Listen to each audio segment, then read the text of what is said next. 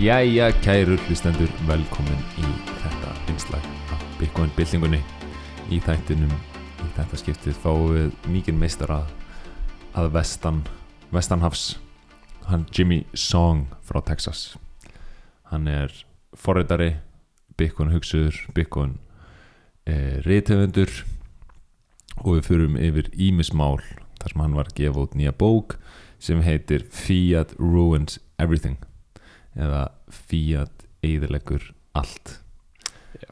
sem er nýtt með það hjá honum og Já. verður að vera samlega því Það er þessar, það er þessar tvær bækur eftir hann Það er hérna Programming Bitcoin sem er forritunarbók og svo þessi nýja bók sem er Fiat Ruins Everything einmitt og við förum aðeins yfir þau þær þær bækur í þættinum og við munum fara aðeins yfir yfir uh, umræður þáttarins áður en við setjum hann á en áður en að kemur að því þá förum við í tölur dagsins þegar við tökum upp í dag uh, Sat Earth Day, laugardagurinn 16. desember er uh, ein íslensk króna 17 sats þannig það er búið að vera bullmarkaður í gangi og allt að hitna í aðdraganda að helmingunni sem verður uh, eitthvað staðar í kringum 20. apríl 2024 það er uh, 91,1% búið af þessari uh, þessum epoch eins og við kallum það fjagra ára tímabili milli helminga. Og það eru einungis 18.538 bólkar að næstu helmingun. Það styttist óðum í það mm, hassreitið er búið að vera neglast upp og það bara virðist ekki hætta. Ef þú skoðar graf fyrir hassreitið þá er eins og þessi litla e- eða þetta mikla drop sem var uh, í síðasta epoch þegar Kína ákvaða að banna uh, Bitcoin gröft uh, lítur út eins og lítið blimp á grafinu. Já, vegna þess að það er bara búið að skjótast upp og við erum komnir yfir 500 exahash á sekundu. Allavega ef, ef, miða er, ef þykir er miða 24 tíma tímabili. Þannig að heilbriði kerfisins er bara að bætast. Það er endalust að bætast og er um, að skjótast upp um, sem er mjög búlus mikið sögursögnum um hverjir eru að keira þetta uh, áfram. Og það er, meir, það er meðal annars talað um uh, lítið ríki austan sem heitir Bútan. Já, og þeir eru sem sagt búnir að vera að mæna sjálfur síðan 2019 og merkilegt ríki Bútan. Uh, ég fór að skoða aðeins um það eftir að umræða byrja um þetta ríki í hérna, Bitcoin byltingunni spjallinu á Telegram að það kostar 200 dollara á dag vísa ef þú vilt ferðast ánga já, ok. Þannig þeir vilja bara draga að sér svona ríka fermann en eru með mjög lítinn ferðamanniðin að það eru mjög fá vísa sem eru útgefin á, á hverju ári Þetta er svolítið loka land eða svona. Já það er mjög loka og mjög lítið um uh, atvinnrekstur Var það í búta þar sem, þeir, þar sem er ólöglegt að reykja ef ég mann rétt? Ég er ekki alveg kláraði Ég held það. Já, Ef þið sjáðu með sígarettu þá bara fangilsæður eða eitthvað. Nei, ég, ok, ég er kannski ekki Þetta er oft talað um sem hafa ekki samast ríki í heiminum en það er einhvers konar þú veist, það er sagt að en það er ekki alveg sagt, þetta er þetta er frekar, frekar fátækt ríki. Mm. um, og og svona kynnslóðin sem er núna koma upp er ekki alveg nóg sátt með hvernig hlutunir eru. Þeir vilja, þú veist, náttúrulega meiri atvinnu og uh, meiri, meiri velmögun Mm.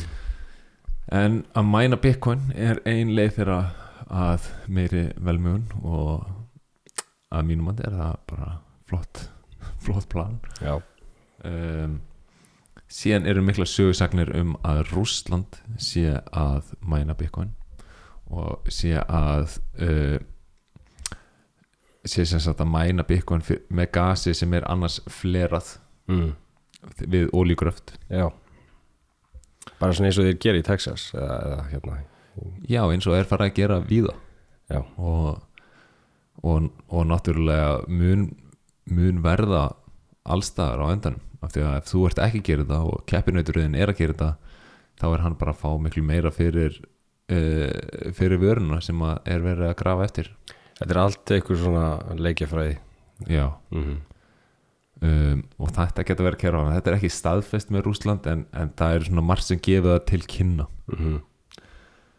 um, nú um það. Við erum að tala um að að mempúlið er bara að springa. Og ég bara man eftir dögunum hérna fyrir kannski árið síðan halv já, þegar eitt satt per byte uh, var bara standardin já, og sagt fyrir ykkur sem eru ekki alveg að skilja hvað erum að tala um uh, þá er mempúlið þar sem við köllum færslur sem eru í byð þannig að þegar þú sendir færslu út þá fer hún inn í mempúlið fyrst og er þar í byð þá kallar mænir uh, mænar Bitcoin bolka mm og tekur þaðan um 1 megabæt af gögnum og setur hann í bálkan. Og því herri gjöld sem þú borgar því líklega er að þú komist inn í næsta bálka af því að mænir hann taka bara 1 megabæt af færslum sem borga hæðstu gjöldin. Já þú fær svona eh, forgang að þú borgar meira sjálfsögðu. Já. Mm og það var nú þannig að þetta er mælt sem sagt hversu mörg satt miða við uh, V-byte sem þú borgar miða við sem sagt þingdin á færslunniðina því að færslæðin er uh, mismunandi þung hvað varðar gögn. -hmm. þannig að mismunandi, mismunandi stærð á henni. Þannig að það er mikið af það sem kallast UTXOs Mm þá er hún þingri ef það er mikið af litlum færslum til dæmis í veskjunniðinu og þú ert að þú veist þú ætlar að senda á vinnin en þú ert að senda af kannski 15 litlum færslum Mm. þá er það mjög þung færsla því að það er mjög mikið af litlum færslum. Já, þannig að en þú sendir það að þá verður það að einu UTX og, og þetta er svolítið það sem er mælt með þegar að uh, fís eru lág er að fólk gerir svona sjáu svolítið um UTXO-in sín. Þannig að þú tekur til dæmis ef þú ert með mikið af litlum UTXOs þá er gott þegar fís eru lág að þú sendir eina stórast færslu á sjálfa þig. Mm þannig að öll þessi litlu UTXO verða bara að einu á einu adressu. Já þú ert að sapna í eitt, Já. eitt TXO já, og þetta er alveg gott að gera þegar físur lág sem er ekki núna. Um, þannig veit kannski að hafa máttu komið þetta ráð fyrir hálf ári en var kannski ekki að búast við því að sjá núna að uh, medium priority mm, er í kringum 298 satt per byte sem er galið. Þannig að þetta er eh, sem sagt on-chain er orðið svolítið dýrt. Og, og er þetta ekki líka svolítið trýstingur á sagt að uh, færa, færa sig gera fæslu sagt frekar á leiftunetinu Jú, klárlega. Og, og þetta er svolítið eins og við höfum talað um að Bitcoin er um, við höfum talað um að þar sem þú ræðist á Bitcoin þar verður það sterkara. Og þetta er annað dæmi um það þannig núna eru fís há og þetta er það vandamál uh, fyrir marga sem vilja millifæra á base-layerinum mm -hmm. en þetta er svona uh, þvingar það svolítið í að taka upp lifturnetið já, og, og mun auka væntanlega uh, framför og, og hérna og í- já, á, á, á leftinutinu þannig að það verður spennandi. Ég einmitt uh, vinnur ætlaði að gefa Bitcoin í afmæliskjöf mm. núna fyrir nokkrum dögum og hann var svolítið þvingaður að gera bara á leftinutinu í staðin fyrir fyrir on-chain og þannig maður sér þetta svona vera að gerast en ég held að við munum sjá þetta svona auðvitað á, á stærri mæli hverða mm, núna á næstu mánuðum árum. Þannig þetta er og þetta er náttúrulega tilkomið svolítið út af öllu þessu ordinals þar sem fólk er að inn, uh, setja inn myndir á bálkakefina og er það hugsað sem eitthvað svona NFT á Bitcoin? Já, og það er kannski umræði sem við tökum betur senna, við erum ekki alveg með hana undirbúna. En þetta er alltaf búið að vera mjög uh, mjög svona kontroversial. Já, þetta oft talað um, um hérna heilbriði sagt uh, on-chain eða sagt uh, Bitcoin netsins. Og þessi, þessi ordinals eru náttúrulega af því að það er hægt að gera þetta að þá eru sumir að hvað maður að segja þetta er, það mætti líta á þetta svolítið sem svona árás. Einmitt, það eru margir sem segja að þetta sé eins konar árás á Bitcoin kerfið mm -hmm. um, og, og að þetta sé í raun og veru glitch í kerfinu og þetta, þetta átt ekki að vera hægt Mm en með uppfærslum áborðið Segwit þá hérna þá var hægt að gera þetta og í kjölfæri þá hefur fólk verið að- gera þetta. Og síðan er náttúrulega aðrir sem segir við því hérna kræharder -hmm. og bara, að, þú veist, þetta er bara frálsmarkaður og að hærri fís eru bara eitthvað sem var al algjörlega óhjákvæmilegt. Já, og, en það eru náttúrulega aðrir eins og þú segir sem segja að þetta sé spam og vilja koma í veg fyrir spam og þar kemur þessi nýja Ocean Mining Pool sem að Jack Dor Dorsey og Luke mm. eh, hann heitir Luke Dash Jr. Mm já, hann heitir allan Luke ég man ekki mann ekki alveg fullt nafn en, en, uh, en hann er svona þekktur forritari á uh, Bitcoin, Bitcoin keðinni hann, já, Luke uh, Dash Dash Jr. mm. og þeir sem sagt setja í gang þetta mining pool og í þessu mining pooli þá munu þeir ekki um, þegar þeir ásí, þegar þeir mæna bolka þá munu þeir ekki uh, setja inn í hann fæslur sem eru með þessi inscriptions Mm. eru með þessar myndir þeir munu ekki inklúta það í bolkanum heldur bara taka aðra fæslur og sumir segja að það sé það sé síðan rittskoðun á já, en aðrir myndi þá segja að þetta sé einmitt líka bara frjálsmarkaður og þeim er frjálst að gera það ef þeir vilja. Já, en munu náttúrulega náttúrulega missa af færslum sem borga herri gjöld. Já, þannig þetta er uh, áhugaverð framvinda mála og við þurftum eiginlega svona svolítið að taka þetta fyrir kannski í öðrum þætti. Mm klárlega. Annað sem uh, má nefna er að í viðtalinu við Jimmy þá fengum við góðan gest. Já. Það er sem sagt uh, hann Davíð uh, félagi minn sem er forritari og hérna um, hann og konan hans þau reyka ringekjuna um, mæli með að kíkja hangað það er ekki um, en hann sem sagt ég beði honum að vera með af því að um, Jimmy er náttúrulega forritari og það er gott að hafa Davíð með sem er sjálfur forritari. Bara svona að fá, hann spurði, spurði Jimmy góðra spurningar sko. Einmitt. og líka fá bara svona uh, eitthvað sem að er ekki búin að vera lengi í Bitcoin. Um, af því að þá færðu oft góða spurningar. Það er að segja sem af því að við erum búin að hrærast í þessu lengur að þá ámara svolítið til að, að hérna einhvern veginn uh, riffa á sömu nótum þú skilur. Mm, þannig að það er mjög gott að fá svona fest uh, svona ferska sín á, á Bitcoin og jafnvel spurningar sem að maður myndi kannski ekki spyrja sjálfur af því að maður hugsar að það vita, það vita þetta allir. Mm, en það, það vita hreinlega ekki allir hvað maður er að tala um stundum. Þannig að það getur, það getur verið gott að fá nýtt inn, nýja insýn og við vorum einmitt að tala um þetta yfir að, hérna, að mögulega í framtíðinni þá viljum við bjóða fleirum í Bitcoin byltingu podcast. Bara fólk sem er vil hérna eh, hefur eitthvað að segja um Bitcoin og vil bara ræða hlutina. Þannig að við erum að íhuga það?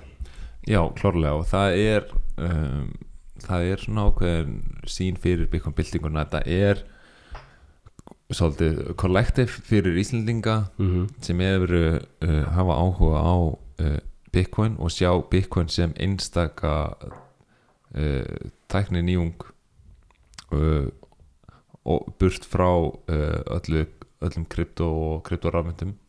Og fyrir þá sem vilja já, vel, uh, þarf ekki að vera viðtarlega ef þú ert með einhvað sem uh, brennur á þér og þú vilt koma því út og vilt uh, fræða fólk um þá bara endilega vera í sambandi og uh, og við tökum það þann um, við erum opnir fyrir öllu og munum halda áfram að fá bæði gesti og og hérna og fleiri hvað kallar maður að hósta Já, bara svona gesta host, guest host. Já, já, einhverju guest host.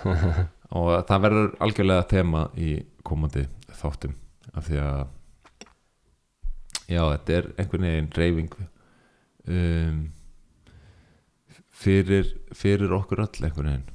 Og Já, já áður en við förum uh, út í innihald viðtalsins þá vil ég minna á að það er hægt að styrkja podcastið á podcasting 2.0 value for value með því að senda okkur uh, annarkvort boost eða það sem kallast boostagram það sem þú kommentar með uh, boostinniðinu og þú sendir okkur nokkra sats og þú lætur komment fylgja með sem að við munum svo lesa upp í hverju þætti. Mm um, mér finnst þetta alveg cool að, hugsa að þetta getur verið uh, þú veist eins og það eitt, eitt uppáhaldslaðverf mitt í Bitcoin er hérna Rabbit Hole Recap með Matt Odell og Marty Bent.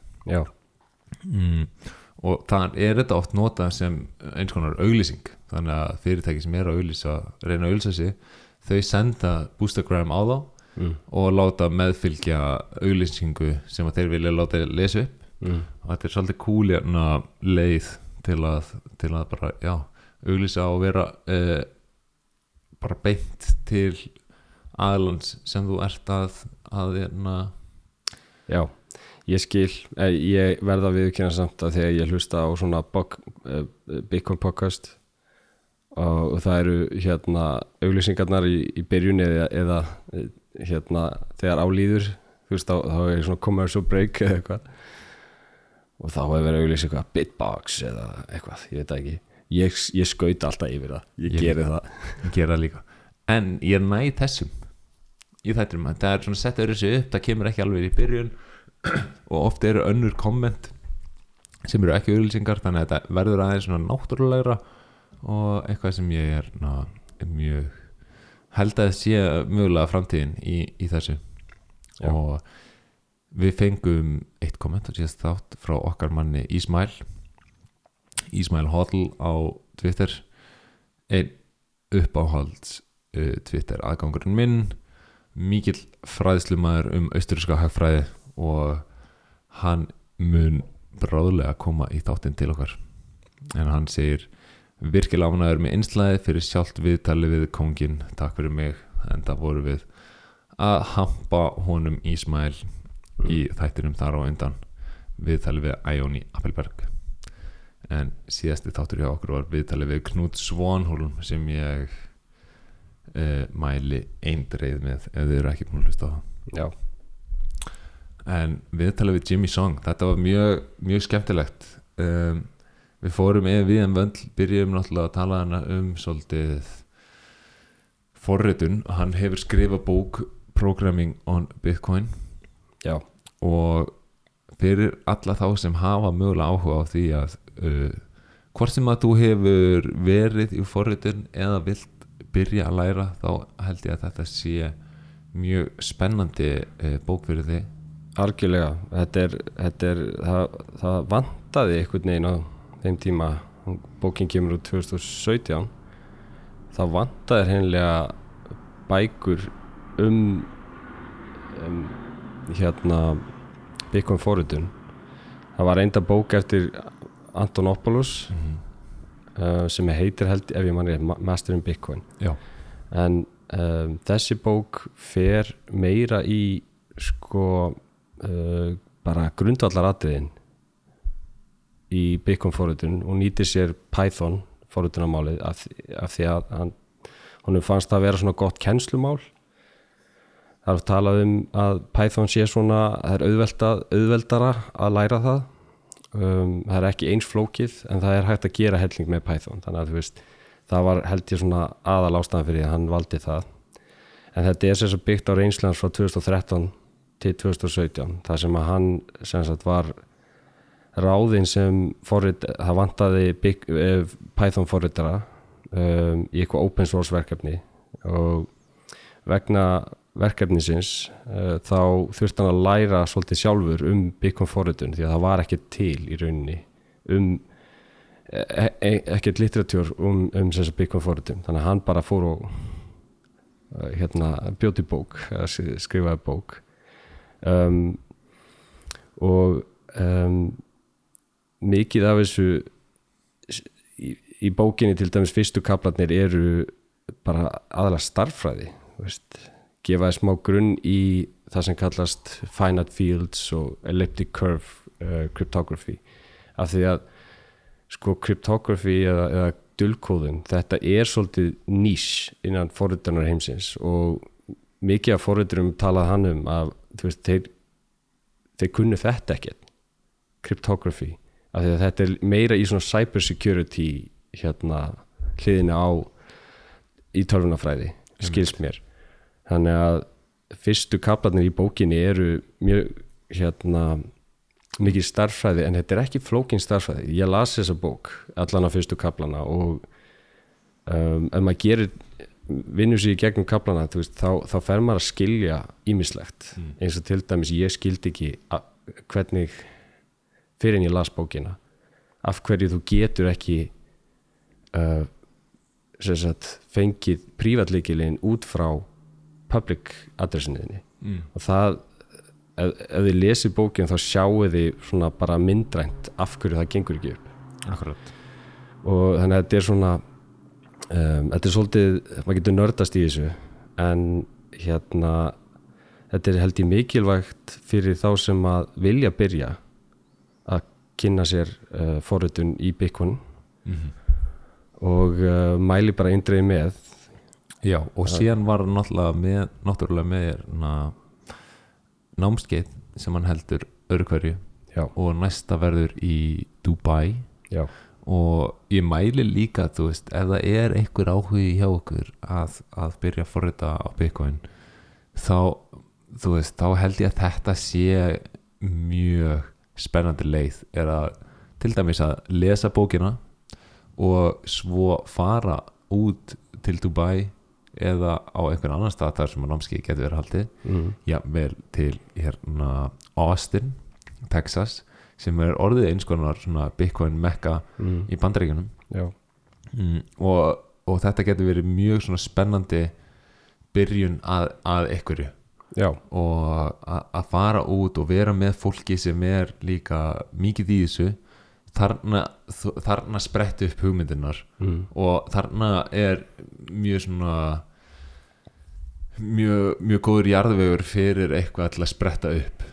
Já, og þetta er algjörlega eitthvað svona eitthvað sem að já, ég myndi klárlega mæla með ef að það er eitthvað áhugi uh, til staðar já, hættið að forrita í Ethereum, farið bara já, ég held nú setið að búðrið í, í það sem skiptir máli. Ég held að við hefum engar ágjörð að þegar þessi lustendur séu nei, nei, að forrita á því þýrum mögulega og ef svo þá heyrðu í Jimmy og, og tjekkaðu á, á þessum námskeiði sem hann er með.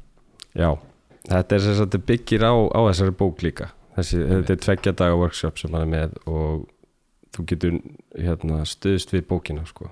Já Síðan fór hann og var aðeins að fræða okkur um, um það sem við höfum verið að fjalla um í þáttum minna áður sem er Taproot og Já. Snor Signatures já, hann, hann sem sagt Jamie ætlar að uh, hérna kenna nýjan kúrs um, sem að verður býtu, hvernig var það, í janúar og þar er fókusin á þessar nýjungar í, í Bitcoin. Eh, Sákúrsir í Dubai.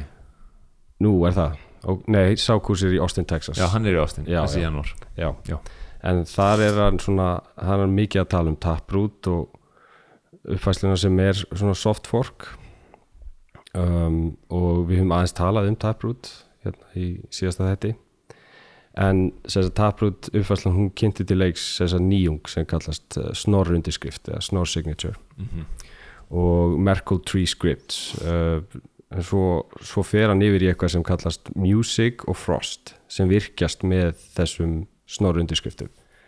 Um, snorrundirskriftir eru sko einfaldari sko að samanbyrði við þetta svo kallað E ECDSA eða Elliptic Curve Digital Signature Algorithm sem var sagt algoritmi sem að Satoshi Nakamoto nýtti sér fyrstum sinn í Bitcoin vegna þess að snorr uh, heyrði undir einhverju svo, svo kallu engaleifi patent. Anskotans engaleiðin alltaf. Já, já, ég er veit að þú ert ekki ekki hérna mjög hrifin af engaleifum Ég, ég var svolítið kynnt fyrir því af Safety Namus að engaleifi væru, væru hérna, ríkissvindl og sem að hjálpaði ekki frálsumarkaði en það er kannski umræðið fyrir að þátt. Já, en allavega þetta var sagt, núna, núna er sagt snor uh, uh, komið í, í, í Bitcoin sko, nú, nú þegar engaleifir útrunnið og hérna uh, og snorrundirskriftin komnar í Bitcoin, þá er ímislegt skemmtilegt þetta að gera. Og eitt dæmi sem það er þetta music sem merkir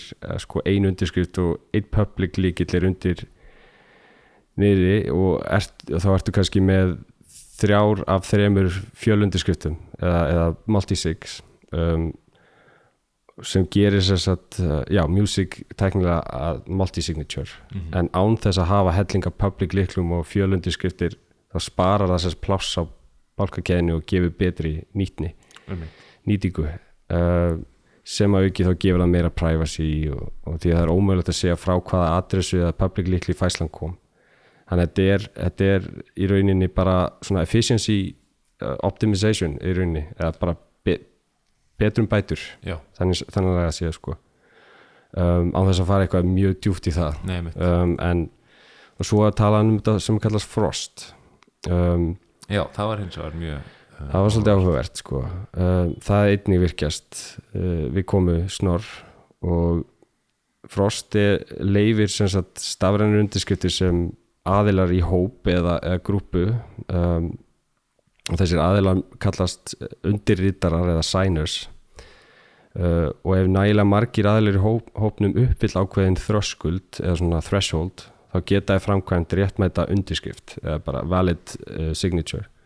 Og þetta má í raun hugsa sem multi-signature öryggi í umhverfi þar sem að ábyrðin er sagt, dreift á milli aðla sem er í, í sem í samhæfni þurfa þá að undirrita.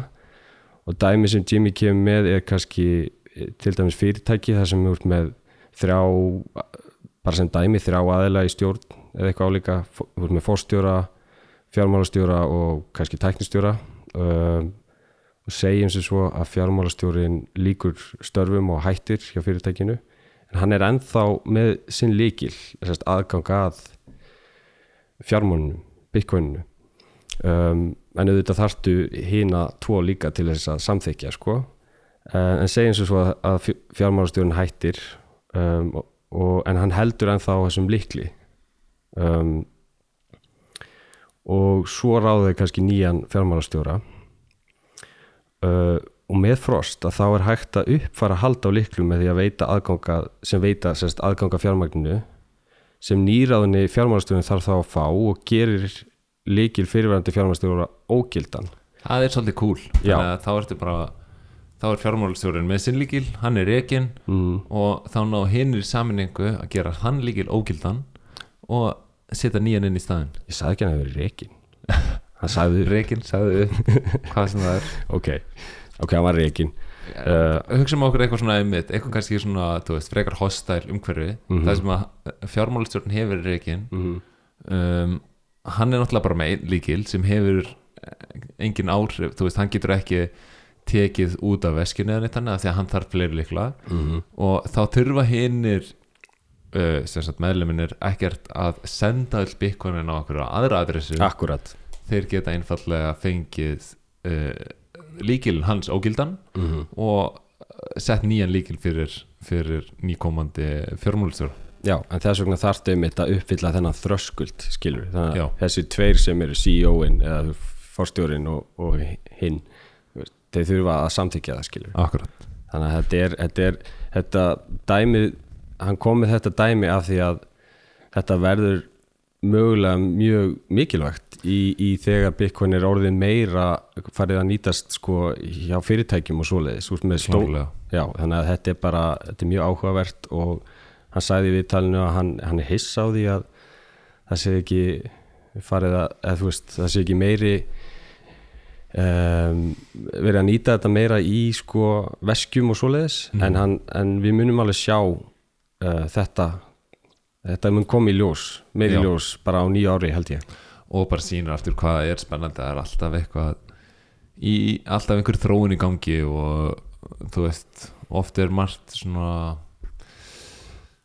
hvað segir maður, erfitt og flókið við Bitcoin en, en það er stanslist þróun í gangi og vera betrum bæta á og gera, gera nýtt og, en þó þarf bara hægt að af því að eins og við sjáum á Ordinals að þá getur, Já, getur margt uh, farið líka úrskeiðis með, með uppförslum það er ímislega sem maður sér kannski ekki alveg fyrir og svo kemur það í ljós setna, æ, shit, þetta var kannski ekki þetta var smá glitch eða, eða, eða smá bug í þessu sko. hefur ykkur afleðingar einmitt. En eins og þú segir, þetta er í þróun og maður þarf aðeins að brenna sig hér og þar til þess að læra. Það er bara Uh, þannig. og það er mjög spennandi að fylgjast með þessari þróun. Þó maður, þetta, oft, þetta er oft svolítið tæknilegt þess vegna fannst mér mjög gott í þessu viðtali að hafa Davíð með. Já, bara því að veist, hann gæti spurt svona sem forritari veist, vi- ég er ekki tæknilega, e- ekki tölvuna fræði mentaður, ekki þú heldur. Nei en, en, við en svona deblum aðeins. Já, við erum svona dabblers við kunnum svona, já. Sett lítið af hverju en ekki ekkert mjög djúpt. Þarna ringir kúkú klukkan. Hún er sett upp um jólin. Vá, já, þetta er þetta er þvílíkt er þetta, er þetta fannst þetta í ölpunum eða? þessi kemur úr Black Forest eins og allar kúkú klukkur Ok, já. Það er líklegt að ekki- hleypum þetta út. Já, er það ekki? Nei, haldt í sinni. Já, við sjá til. Kúkú. Er það að dansa vals? ég er ekki klárað Ok, þetta var, þetta var hérna. Þetta var óvænt, ok. Um, en góð skipti yfir í að tala um nýju bókina hans Já, Fiat ruins everything. Fiat eðligur allt. Já. Það er Valbós, hvað? Valbós gjaldmiðlar skemma allt. Já. Það var gaman að fá þessa þýtta yfir í íslensku. Eða, eða jafnvel Valbós gjaldmiðl skemmileggjarin Valdbóð skemmilegjur Já, Valdbóð skjaldmiðla skemmilegjarinn já, þetta er langt orð. Um, Já, það er uh, mjög spennandi bók sem ég hef ekki ennþá náð að, að lesa. En hljómaði svona að með að við hvað hann var að segja eins og, eins og mín típa af bók um, þar sem hann fer yfir uh, allt það sem hann telur Fiat hérna eðilegja og eins og við fórum yfir í viðtalinu þá er það ekkert bara endilega eitthvað í fjármálakerfinu sem að Fiat eðilegur heldur er það líka í persónulífi okkar og fjölskyldumunstrunum okkar og svo framvegis. Já, sett, það er hægt að líta á þetta sagt, eh, bara á hérna, landsvísu eða sagt, uh, bara svona makró og svo er þetta að súma lengra inn fjölskyldu einingin og jafnvel einstaklingurinn. Hvernig þetta, þetta hefur eitrandi áhrif á svo margt í, í, í hérna okkar daglega lífi og bara sambönd við annað fólk og, og svoleiðis sem að ganga þrátt fyrir fyrir sagt, þennan ónýta pening en, en er samt að svolítið að halda aftur á okkur. Og það er nefnilega, mér fannst það magnað í þessari bók að það komið, komið dæmi sem að, sem að maður hafði ekki hugsað mikið út í. Já, og hann setur þetta líka mjög skýrt fram finnst mér. Um, og, og rauksteður þetta vel. Já, hvernig hann sér þetta hann er náttúrulega mikill fjölskyldu maður hann Jimmy. Uh, sex börn eða eitthvað. eitthvað er kringu sex börn já. Og er fyrirmynd á, á þeim slóðum. Ég er, na, hef talað um að, að uh, Bitcoin hefur svona haft þau áhrif á mann persónlegan að, að maður fór frá einhverjum veginn þeirri hugssjón í að vera uh, gegn því að eignast börn. Já, uh, og það var nánast að, þú veist ég veit ekki hvort það hafi verið miklu litið á mér en, en ég hef heyrt mikið frá öðrum að bara vilja ekki eignast börn út af áhrifunum sem það að hleypa þeim inn í heim sem er að fara farast já, á næstu áratugum. Það og sem er, er auðvitað mjög sorglegt viðhorf algjörlega. og svona algjörlega vonlust viðhorf. Já, um, svona, já, mikið vonleysi að, að, að sjá framtíðina svo dökka. Það er líka erfitt bara að, að hérna stopna fjölskyldu ef að, ef að þú ert þú ert ekki með peningana með þér í liði. Nei, einmitt, svo er það. Ég held að það sé bara um, þetta hljómar eins og okkur mjög mikil einföldun en þetta, sko, þetta hefur svo mikil áhrif bara á framtíðina sko. Hvernig, og spartnaður og við erum mikið talað um spartnað hérna. Mm -hmm. Um, með því að spara og eiga eitthvað sp- eh, eitthvað sparnað þá, sko, þá áttu náttúrulega auðveldara með að plana fyrir framtíðina og stofna fjölskyldu og allt þetta. Einmitt. Að þú ert alltaf í harkinu af því, af því að íslenska krónan er að skemmast og aðri gjaldmjöla það er bara veist, þessi þetta háa tímaval. Já, high time preference ástand og með Bitcoin alltaf þá Bitcoin breytir þér að því lítum til að þú, þú tilengar er frekar þetta lága tímaval, þetta low time preference. Þannig að þú ert skipulökur því betur og ert hugsa meira um framtíðina og planar fyrir framtíðina. Já og líka hvernig eins og uh, það er eiginlega gert ráð fyrir að einstaklingar séu partur af uh, ríkinu en ekki fjölskyldunni Já. í dag. Uh, þú ert einhvern veginn þér það er gert ráð fyrir að þú fæ, mætir þegar þú verður aðeins eldri í ríkis niðurgreitan skóla. Og svo ferð þú á vinnumarkaðin og þegar þú ert búin það þá þú veist, þá ferð þú á elli heimili sem er ríkis niðurgreitt og svona mikilvægi þess að halda uh, fjölskyld, svona sterku mm. fjölskyldu unity er ekki, ekki náldi eins mikið. Og, og það er svolítið svona jú, oft þvingaði inn í þessar ríkis niðurgrötu stofnanir sem er uh, kleift að starfa sögum uh, Fiat Binnings Þetta stundu verið nefnt the nanny state sko, þú veist, þú veist með einhverja, hvað maður að segja, einhverja barnapíu sem er alltaf að passa upp á þig. Einmitt, sem gerir, held ég fólk svolítið að, ég ætla ekki að nota orðið letingjum, af því ég myndi ekki segja að það sé þannig, en það er, þetta er, þetta er svolítið að barn gera fólk. já ég myndi alls ekki segja letingjum af því að þú ert þú ert að hérna, þú ert að eðlika fyrir fólki með já, og þú, þar á leiðandi ertu að gera þau háð lífurisjóðunum og háð skólakerfinu mm, uh, vegna þess að fólk á í raun og veru ekki efni á neinu öðru. Mm, og, og þú veist, þú nærði ekki að halda sparnaði og þess vegna þarftu lífeyrissjóðuna en það er ekki endilega leti það er meira bara af því að þú ert það er búið að svona þr þrælavæða þig einhvern veginn. Þetta er bara svona eins og að, hérna, sko, ef, má, ef ég má bera þetta saman við að vera á einhverju ávanabindandi lifi, því ég dælt í þig. Mm og sama með hérna ríkið. Að þú ert, verður allt í einu háður í sko. þetta er eins og þú sést bara orðin háður einhverjum kvíðalefjum mm. og hérna og að hætta á þeim, að hætta á kvíðalefjum það er ekki djók, einmitt. Frákvæðsenginni og, og, og svo leiðis, þannig að þetta er ég meina ég veit að til dæmis hann Karl Marx hann, var það ekki hann sem að tala um að hérna að trú kirkjan sé, sé ópíóði hérna líðsins the opiate of the masses. Ok, ég sagði ekki. Þess vegna voru sovjetríkin sovjetmenn eða þessi kommunistar voru náttúrulega átt að vera trúleysingjar sko. Mm um, en mér fannst þetta bara að vera svolítið eiga við sko já, en, en, en í rauninni þá þetta nan, þessi nanny state pæling er svolítið svipuð að þú ert svolítið það er eins og að sé að að dæla í því morfíni bara endalaust sko. Já, og þetta er góð líkinga þegar eins og það er farið yfir í bókinni Sovereign Individual þá er það svolítið hlutverk kirkjunar var það hlutverki ríkisins.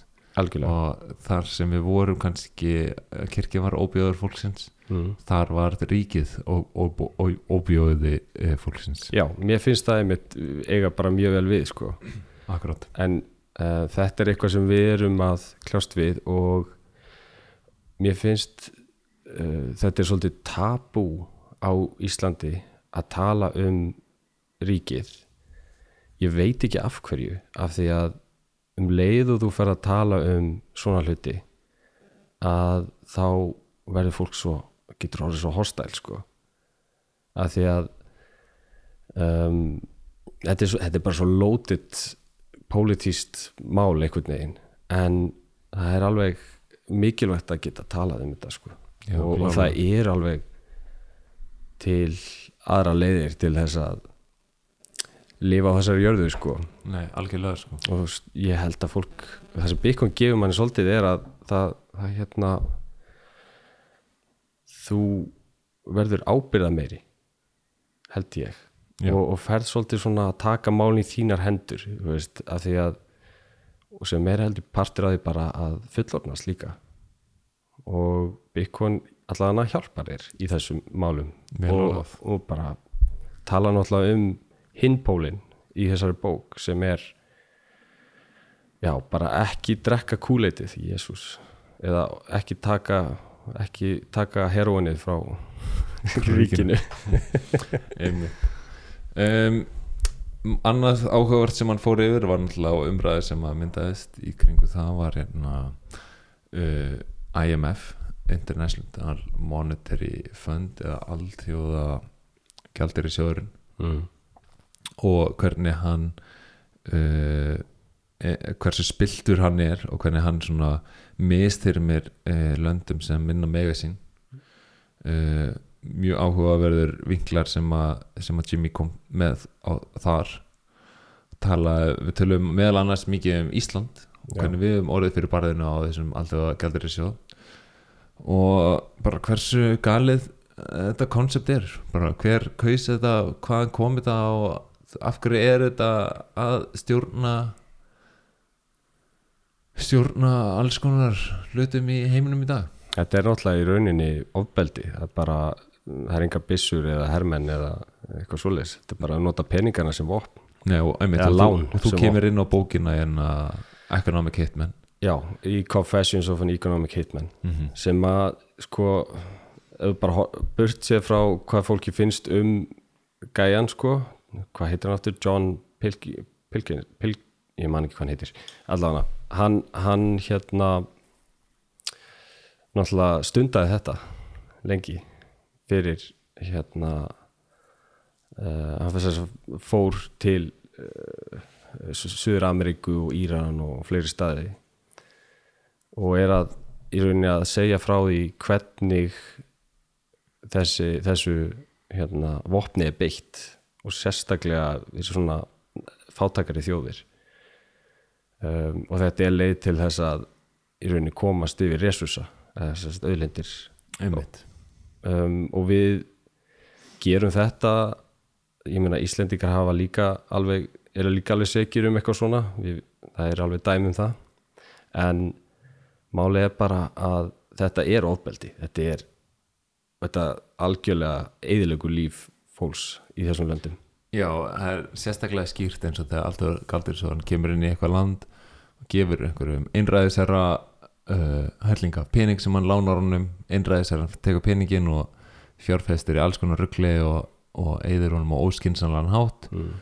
um, síðan er kannski innræðsarinn styrta stóli uh, og fundið út hversu spiltur hann var en eftir stendur þjóðin með gríðarlega skuld við alltíðagjaldari sjóðin já, um, og þetta hefur gerst oftar en einu sinni oftar en Já. mjög sorglegt. Oft er þetta sko lán sem er lána þjóð til að byggja ykkur innviði eins og kannski virkjun eða eitthvað svoleiðis og kannski dæmum það er hérna Kárníka virkjun og Alcoa og allt þetta. Þetta er svolítið lótið topic líka en hérna í rauninni þegar þú getur síðan ekki borga skuldina að þá þá koma þá koma þessir lánsherrar og, og segja heyrðu ef þú getur ekki borgað þetta tilbaka þá viljum við fá að ráða einhverju hérna. Einmitt. Þetta er, þetta er mafjósa taktík. Já, þetta er ekkert nema það. Þetta er bara I'll make you an offer you can't refuse and then I'll shoot you in the kneecap.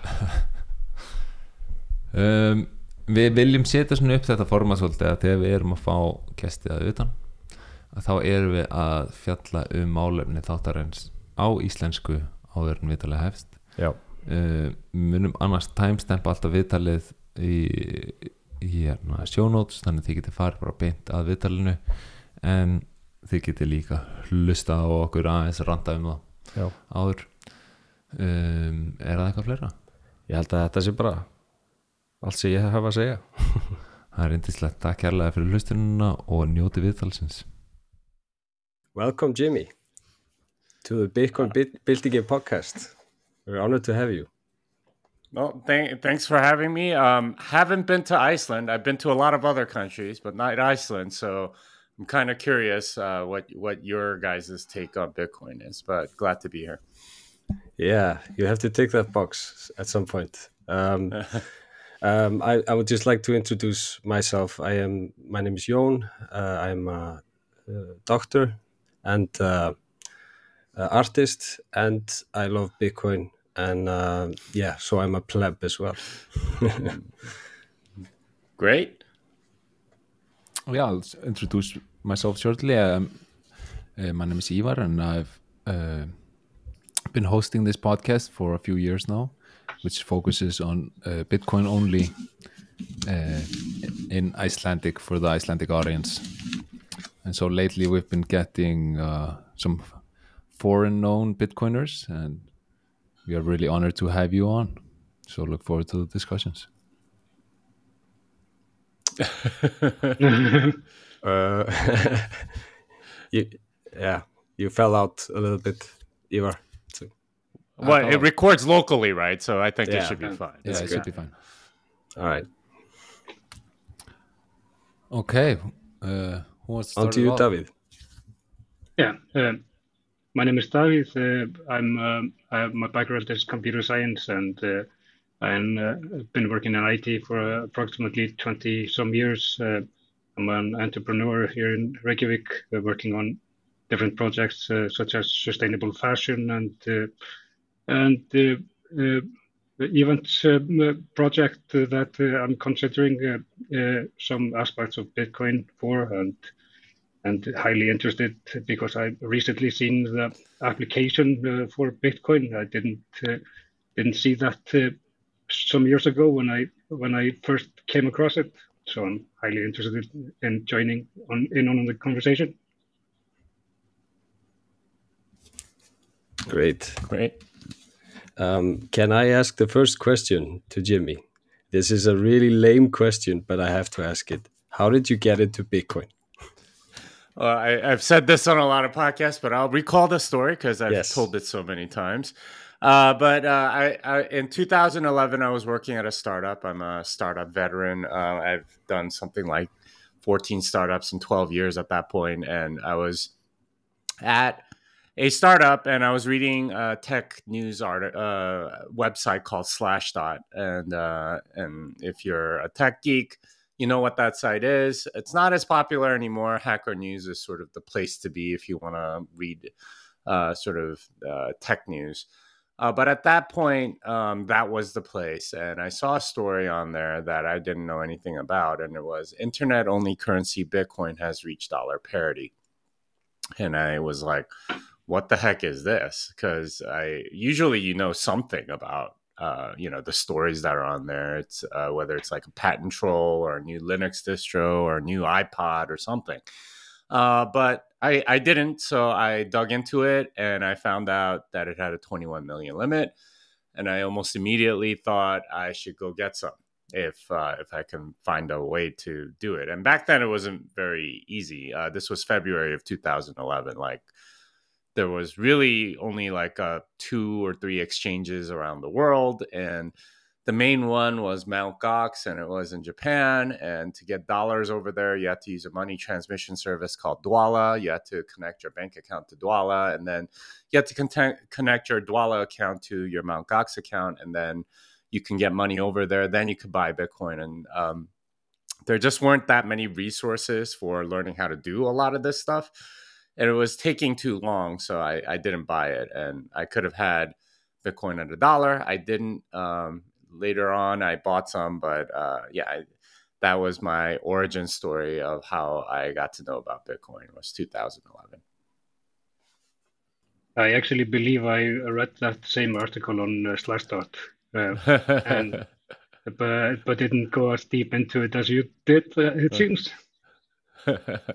yeah, it was uh it was like only 3 years after the great financial crisis. So I think for me it was uh it was way more interesting because of that having gone through um you know the the crazy stuff that happened at least in the US uh in 2008 it was it, it was it made more sense to me.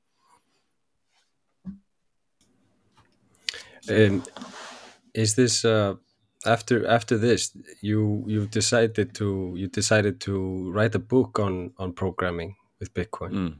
Mm-hmm. How to well that came that came much later that was in 2017 and uh, Mhm. largely it was my experience from 2013 to 2016 that led to it um, and the reason uh, why i ended up writing that book uh, was because it was very frustrating as a developer. So i got into bitcoin as a developer in 2013 um, my uh, uh, you know uh, back in 2013 we had two bubbles right? We had one early in 2013 april 2013 went from something like 10 to 12 dollars all the way up to 266 by april crashed back down to 50 went up and down for a while and then november of 2013 it went from like a hundred dollars to 1100 so those are the two big bubbles of 2013. Uh, to this day, we haven't had anything like that happen. But uh, towards the uh, beginning of that second bubble, I was uh, I was browsing uh, the Reddit Bitcoin forums. That was whenever where everybody was. r/Bitcoin was, uh, you know, basically the equivalent of Bitcoin Twitter back then. And I saw an ad for uh, Python developer wanted, right? Like, and I was like, okay, like I'm a Python developer, I can do this. And uh, the guy was uh, offering to pay money to contribute to his open source project, which was Bitcoin based. So um, I had to learn a whole bunch of stuff just to do the work that he was asking me. Uh, the guy was from Ukraine, and he was like paying me in Bitcoin. That that was like my first job in Bitcoin, basically. And he, he it was it's really cool because I was getting paid in Bitcoin. I'm sitting here in Texas, and he's like paying me over the internet, and it, it was really cool. Um, but learning a, about a lot of that stuff, a lot of the stuff that I ended up putting into the book, it, it was pretty difficult figuring out like what the actual signature uh, is signing and things like that. Um, and some of that stuff took like many days. And later on, as I uh, you know got more into the industry, you know, like worked as like a VP of engineering for Armory and so on, like hiring people and training them, right? Like giving them resources so they can understand what Bitcoin was. Like most most people just didn't know anything about Bitcoin, right? Like they, even if they're programmers, it was just sort of like, okay, um, so what do I do? And it's like, do, do you know about this or this? And they're like, no.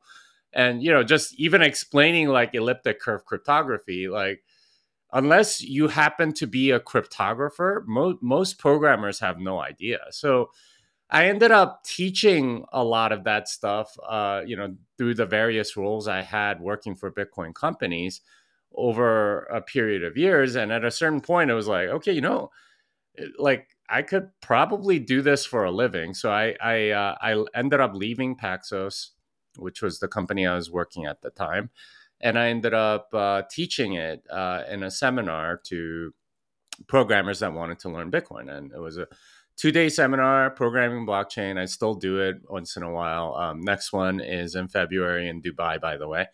Uh, so if any of you or listeners are want want, want to do it, uh, you know, you can come to Dubai or take it over Zoom. Although you're gonna have to um, deal with the time difference between wherever you are and uh, and Dubai. But that that was how I got um, got into the education aspect, and then at a certain point, um, you know, it made sense to put it into a book, and I I, I uh, approached O'Reilly with the idea, and they liked it, and um, yeah, I, I, ended up uh, writing a book um, that basically takes that two day course and puts it in book form. And um, I've obviously had a lot of people say good things about it. So yeah, I um, I'm now thinking about doing like a second seminar that may eventually turn into a second book. So that's where we are.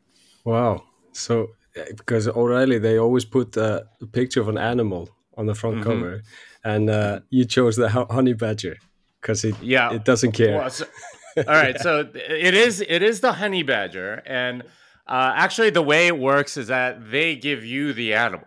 Uh, so the the editors okay. at O'Reilly decide on the animal. Uh, but I lobbied really hard for the honey badger because uh, I, you know, obviously honey badger don't care, right? Um, yeah. and uh, and my editor asked me like, why does everyone want the honey badger? Because like this is not the first time he was asked to get somebody asked to get the honey badger, and he, I guess he said no every other time except except with mine.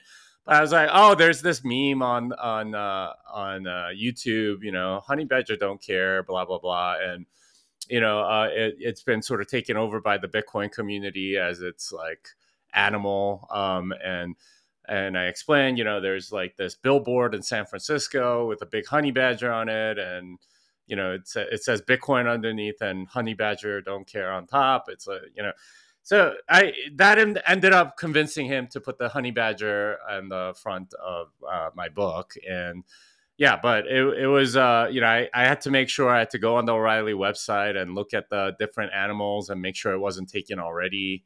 Uh, but yeah, they they have a lot. Yeah, th- this is like a serious business. You you you you know if you want a particular animal, you have you have to lobby hard. Yeah. David, if you're gonna make a programming book, you should use an Icelandic animal, the Arctic fox. Yeah, I, I believe. I believe so. Yeah. I, I think Arctic Fox actually has been taken, if I'm not ah. mistaken. There was like a Linux book or yeah, something that might have already had it. Yeah. But I mean, there, there's yeah. there's a lot of different books with lots of different animals, and you know, like you can literally go on the O'Reilly website and search by animal, um, which is hilarious. But that's that's how it is sometimes. So for our like listeners who are into programming but haven't really gone into programming on Bitcoin, uh, what would you be like your advice uh, for them on how to get going? Like which which language? I mean, I, I I literally wrote this book so that people like that could actually uh, learn all about it. And I wrote it in Python because it's a it's a good teaching language. It handles big numbers very well, and you don't have to have a separate library. You can overload like the plus uh, and exponentiation operators and stuff like that. Uh, so Py- Python's a very good teaching language, but you know I, I encourage all my students who've taken my course or have read the book, like go implement it in another language and whatever language you're most familiar with and that's a great way to learn and you'll you'll have a deeper understanding of what's going on after after you do that. Uh, but yeah I, I like i wrote the book because there wasn't a resource like that out there. Uh, mastering bitcoin came out a few years before my book but it was always more of a reference uh, thing and it used like bitcoin cli and stuff like that to um, you know, do actual transactions, but didn't actually get into the nitty gritty of, uh, you know, elliptic curve cryptography, for example, which I think is an essential part of learning the entire system because the signature algorithm is what makes it work, uh, what what makes transactions work, and but if you don't know elliptic curve cryptography, it's just sort of like a black box. So, you know, I spend the first two chapters teaching math basically and making you implement it in Python. Um, and it's not it's not math that's difficult per se, like modulo arithmetic and finite fields and you know elliptic curves are just sort of like a polynomial. Um, but you know, it's it's not something most people have learned because for whatever reason, the education system thinks that trigonometry and calculus are more important than finite fields and elliptic curves. So you don't get to learn these things. And you know, I, I try to teach it, and um, you know, hopefully you you can get it. And then once you combine those two, you get something magical. Um, almost all of cryptography is polynomials over uh, uh, over finite fields, and you get some pretty cool stuff that come out of it, uh, including this ability to encrypt messages or sign messages or verify or decrypt messages. These are all things that you can do as a result of uh, having these tools. And uh, and I, I, you know that's that's a fundamental mm-hmm. part of, of of Bitcoin, and that's what I start with.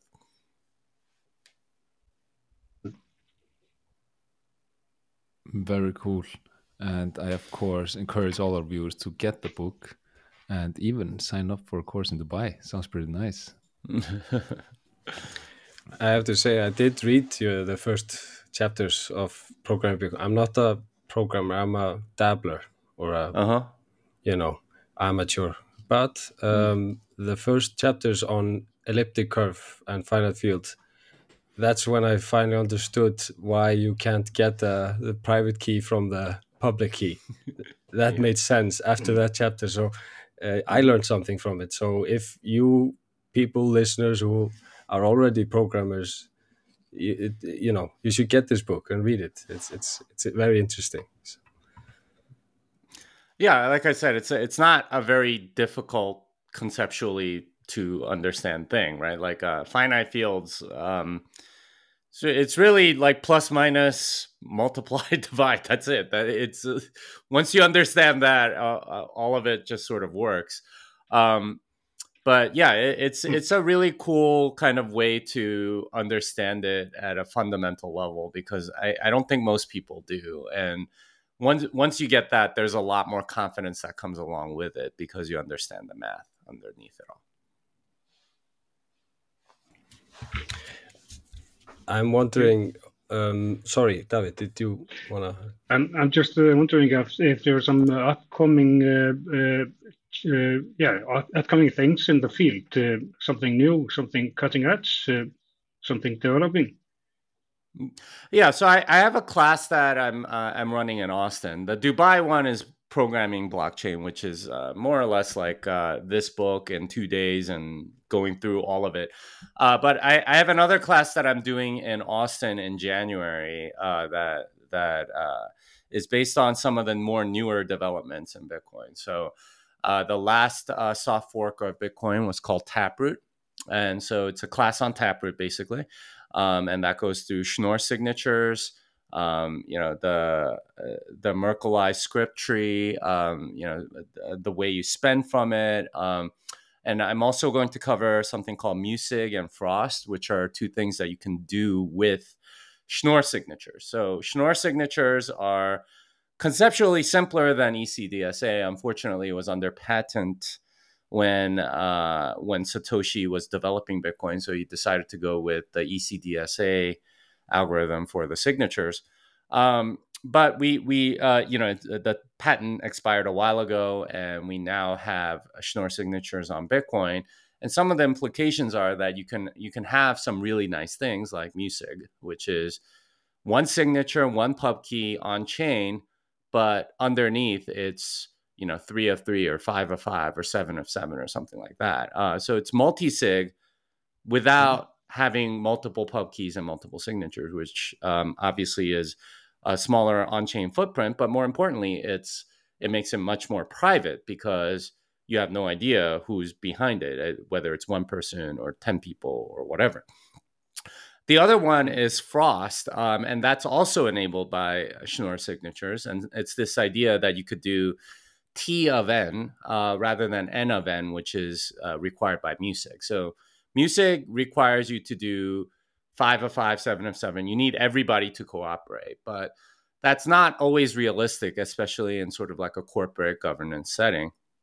So having T of N uh, is what you can do with uh, with essentially the same um, cryptography that's used in Shamir secret sharing, and uh, and you can you can do that and have two of three, five of seven, or whatever, and it still looks like a single signature and a single pub key on on uh, online uh, on on the chain. Um, and that that's something that I'm uh, planning to teach on January 8th in Austin. So if you've read the book and you've gone through it and you want to know more about like the math behind all of that stuff, uh, especially Schnorr, Frost, and uh, MuSig, uh, then yeah, come come come apply. It's it's uh, available. Um, I'll, I'll, be announcing it in the next couple of days, uh, like more publicly. Uh, but yeah, it should it should be a good time. And Fro- Frost is just absolutely incredible. I, I still can't believe wallets don't have uh, haven't really developed it yet because it, the the capabilities it has are so amazing. Like the fact that if it's like two of three and uh, you know it's a CEO, CFO, and CTO, something like that, uh, and one of them resigns, instead of having to move your coins off chain, uh, on chain, and having a new address for uh, all of your funds, you can reconstitute Frost so that you bring in a new CFO and uh, you know the the share that the CFO, the former CFO, left with is completely useless. That th- those kinds of things are mm. possible, um, and that that's uh, that's something that I think will be very important as we go forward and more institutions adopt it and so on. Yeah, I, I agree. This is uh, this is fantastic. Mm. Fascinating. Um, so I'd be interested. Uh, you just released a book called mm-hmm. "Fiat Ruins Everything," and mm-hmm. I personally agree with that. there's there's not a lot that uh, it doesn't touch in our life. Money is so mm. uh, in, like intertwined in, into everything we do. So how how did this come about? How how mm. was the process of starting to write this book? Yeah, so I, I took a class uh, by David Perell. He wrote the foreword for the book, um, and he, he, he teaches this class online called Write of Passage, W R I T E. Um, you know, it's a it's a writing workshop, sort of seminar class, whatever you want to call it. But uh, you know, he's he's been a friend of mine for a few years, and I finally told him, you know what, I'm I'm finally going to take this class that that you you keep teaching and it, it, was a transformative experience for me. Uh, it was five weeks of writing a lot. Um, I think I published an art or I wrote an article every day. I don't know if I published it all, um, but some of some of that was uh, pretty good stuff. So I, I, decided, you know what, I I can uh, I can start publishing this stuff online at at various places and. I negotiated with a few different outlets, and uh, and I ended up going with Bitcoin Magazine as the place to uh, publish my articles uh, related to fiat ruining and everything. So, um, uh, you know, it started as like a series, and I started publishing like once a week, um, and then it moved to like uh, twice a month, and then eventually I I, I stopped because they couldn't pay me anymore. But um, but I had like a group of articles. And I decided at some point that this could be collated to a book. Um, and Bitcoin Magazine has been pretty good about this. They I, I published under their um, press, uh, you know, their their book publishing arm. Uh, but yeah, it, it was essentially exploring all the different ways in which fiat money has ruined a particular area of life, and this is everything from the individual level, like how has it, uh, you know, ruined like people's belief systems or you know their morality or you know uh, their families uh, to you know to you know corporate um, corporations and communities uh, essentially that people are in how, how it's ruined a lot of them. I mean the fact that we're talking about corporations as almost a community itself is pretty alarming because uh, throughout human history that wasn't the case uh, but it is now under fiat money. So I, I, I talk about that in the book uh, to the nation state level and how they're able to control things like education and science um, as a result of all the money printing and of course politics uh, which gets supercharged as a result of fiat money because everyone's fighting for the money, um, to the global level, which uh, right now exists as a dollar hegemony. Uh, you have monetary colonialism all over the world, um, you know, where you can essentially enslave countries through money. Uh, this is essentially what the IMF and the World Bank do. Uh, this is what China is trying to do with the Belt and Road Initiative, what France does with the uh, uh the African franc and so on. Uh, so the, this this is what I talk about in the book about what fiat actually ruins, and it, it's meant to be sort of uh, directed at Bitcoin maximalists, right? Like probably all you guys. Uh, it, it's meant to be sort of like a rallying cry for the people that are already in this space because oftentimes like we, uh, you know we get uh, manipulated, uh, you know, uh, you, you know, you you kind of realize that you've been manipulated when you get into Bitcoin. I just wanted to document how far that manipulation goes, and it's nearly everything in your life. Uh, you've been gaslit to believe certain things when really it's the money doing the talking. There, there's usually money involved somewhere, and that that's uh, it's a very powerful incentive. So that's that's what I talk about. I found it particularly striking the on the on the individual level, also like with mm-hmm. you know how it debases uh, families, marriage, mm-hmm. love, mm-hmm. Uh, like you know these things that I hadn't thought about, um, mm. but it. Uh, documents uh, gives pretty good arguments for like why why uh, a lot of stuff is breaking down and not only financial stuff also just personal things you know it, it definitely affects um, those aspects of our lives and uh, like you said um, we we we don't think about it that often but it is it's there underneath just you know corrupt money just uh, may, fiat ruins everything. It's just ruining stuff. so, yeah, yeah. And it's it's terrible at an individual level because um, I think a lot of people are depressed and you know get into a lot of addictions, whether it's like drugs or video games or porn or whatever. Like it, people get into that stuff because they just find life so unsatisfying uh, given the way things are, and a lot of it is the prevalence of rent seeking. Um, if you have a rent seeking job, you're not going to feel very purposeful and you're going to think, okay, like, what have I produced that does anything? And, uh, and, you know, of course, like deep inside, you know this and you might be, you know, denying it to yourself, even in your conscious mind, but like deep inside, you know. And, I, ultimately like you you have either have to drown that out with addictions and like distracting yourself or you get really depressed and there are epidemic levels of depression all over the world um, you know i mean there there are a lot of causes for that but i think this is definitely one of them is this fiat malaise uh, that comes as a result of you know having no purpose or having or just being sort of like controlled by somebody else in ways that are not that easy to see, right? Like somebody is pulling the puppet strings and like causing you to do th- certain things. And, you know, a lot of that is through money. And until you trace it out and fig- uh, see where the puppet strings are, it's, it's hard to know where like a lot of the depression and malaise that you have are. And that's, that's what I talk about there. You mentioned uh, the uh, IMF. Uh, we here in mm. Iceland had our own run-in with the IMF mm. about a decade ago. In the mm. cycle we have almost every five to ten years, where mm-hmm. money is being shuffled up, up the pyramid Uh, mm-hmm. We get the crazy infl- inflation, and we are we are currently experiencing close to the two-digit uh, numbers of inflation. Uh, mm-hmm.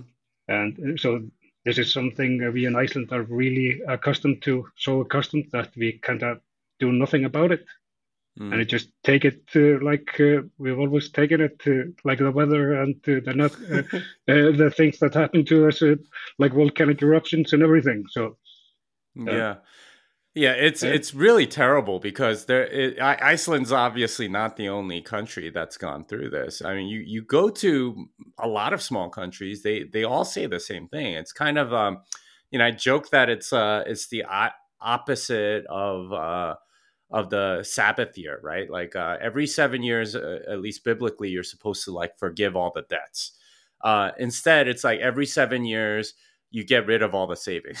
so it's the exact opposite. That, that's what happens with hyperinflation, essentially, and it happens all over the world. And uh, people in the U.S. and maybe Europe and East Asia or whatever, they're not familiar with it, but um, every other country very familiar with it because it, it, it like happens like clockwork every every five to ten years, like you said. Like there's uh, there's some crazy exogenous uh, or uh, some banking crisis or something like that, and then you know they give good news of an IMF bailout, except there needs to be some structuring, or you move to a new currency, or it's devalued significantly, or something like that. It's really them stealing from you, right? like that, that, yeah, that's yeah. that's really all it is.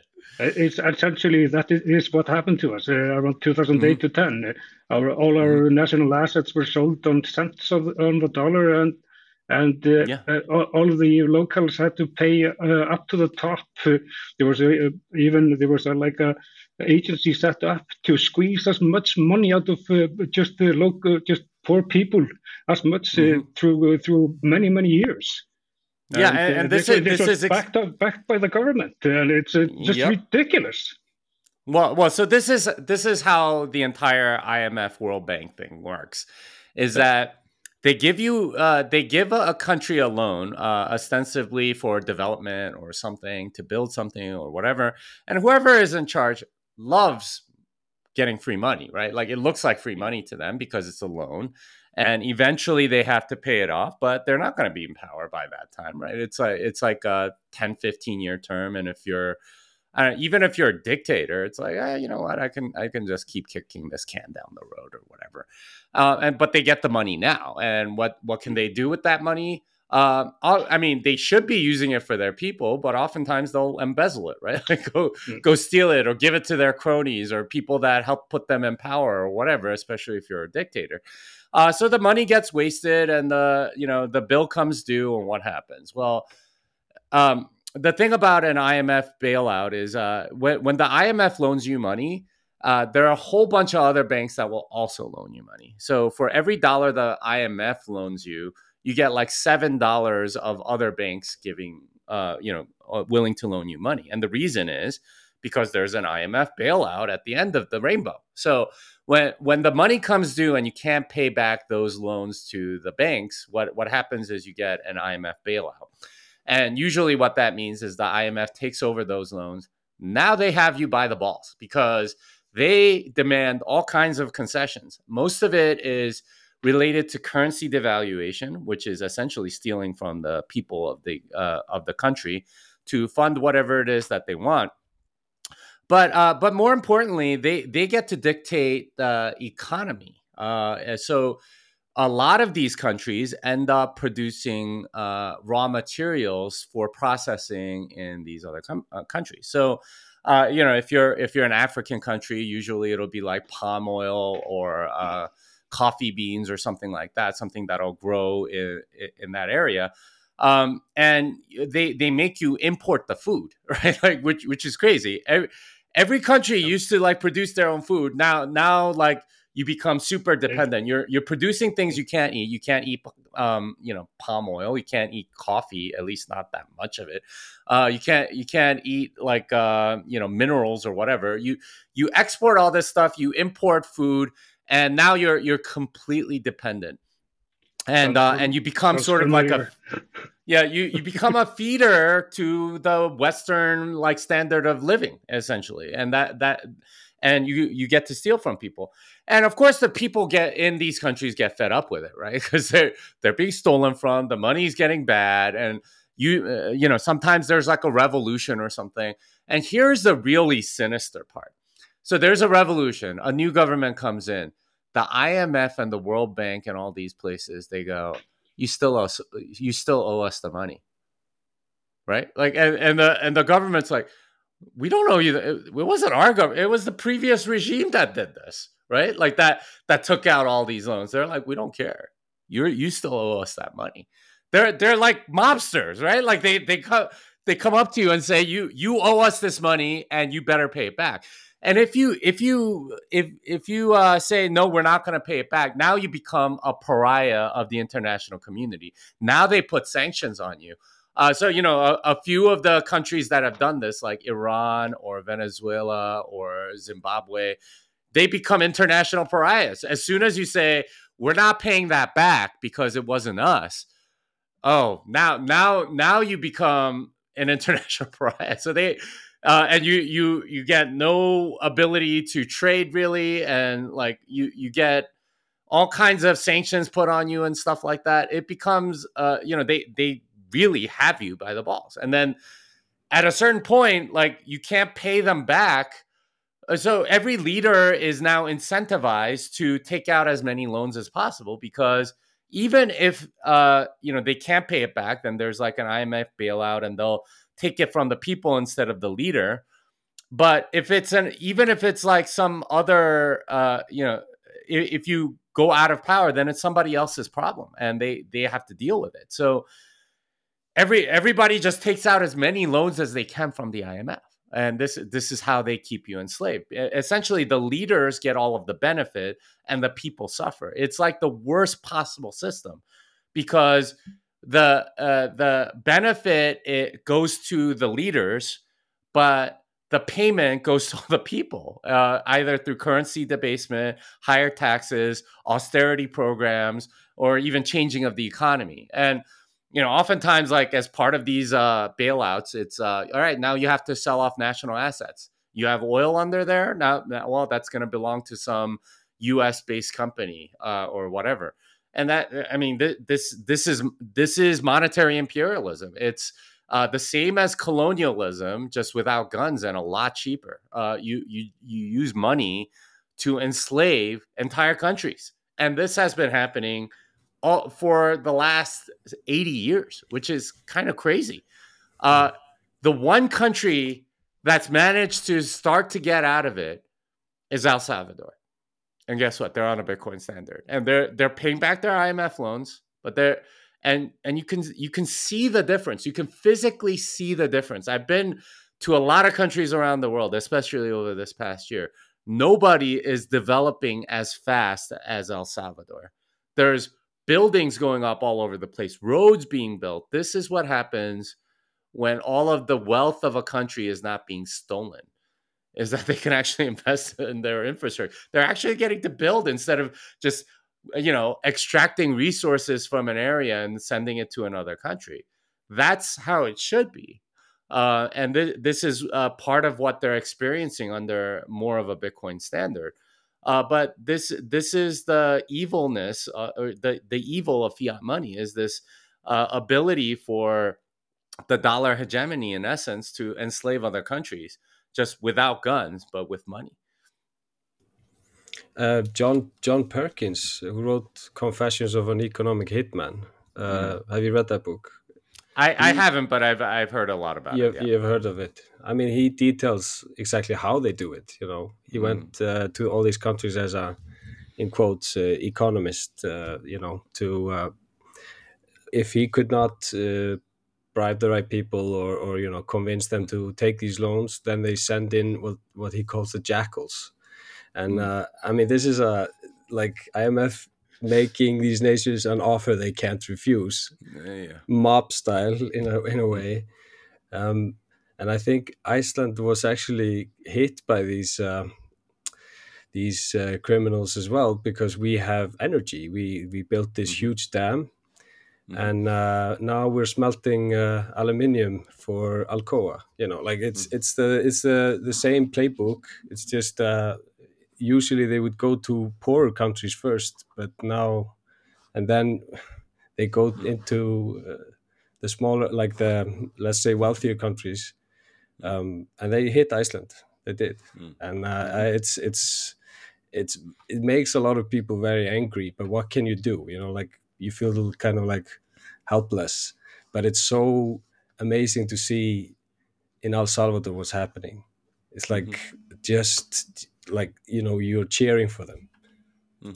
And and this is why Bukele is like really popular. He's got like a 94% approval rating, which is unheard of like in, in any country. Uh but but he he is because he's like letting the market free, right? Like uh, and there's all kinds of building uh he you know uh, all kinds of things going on there and you know downtown San Salvador is like completely revived. There's like a new library there and everything else and I, I think they're going to show the way because if you are Iceland, well, you, you just ask like, where's the hope?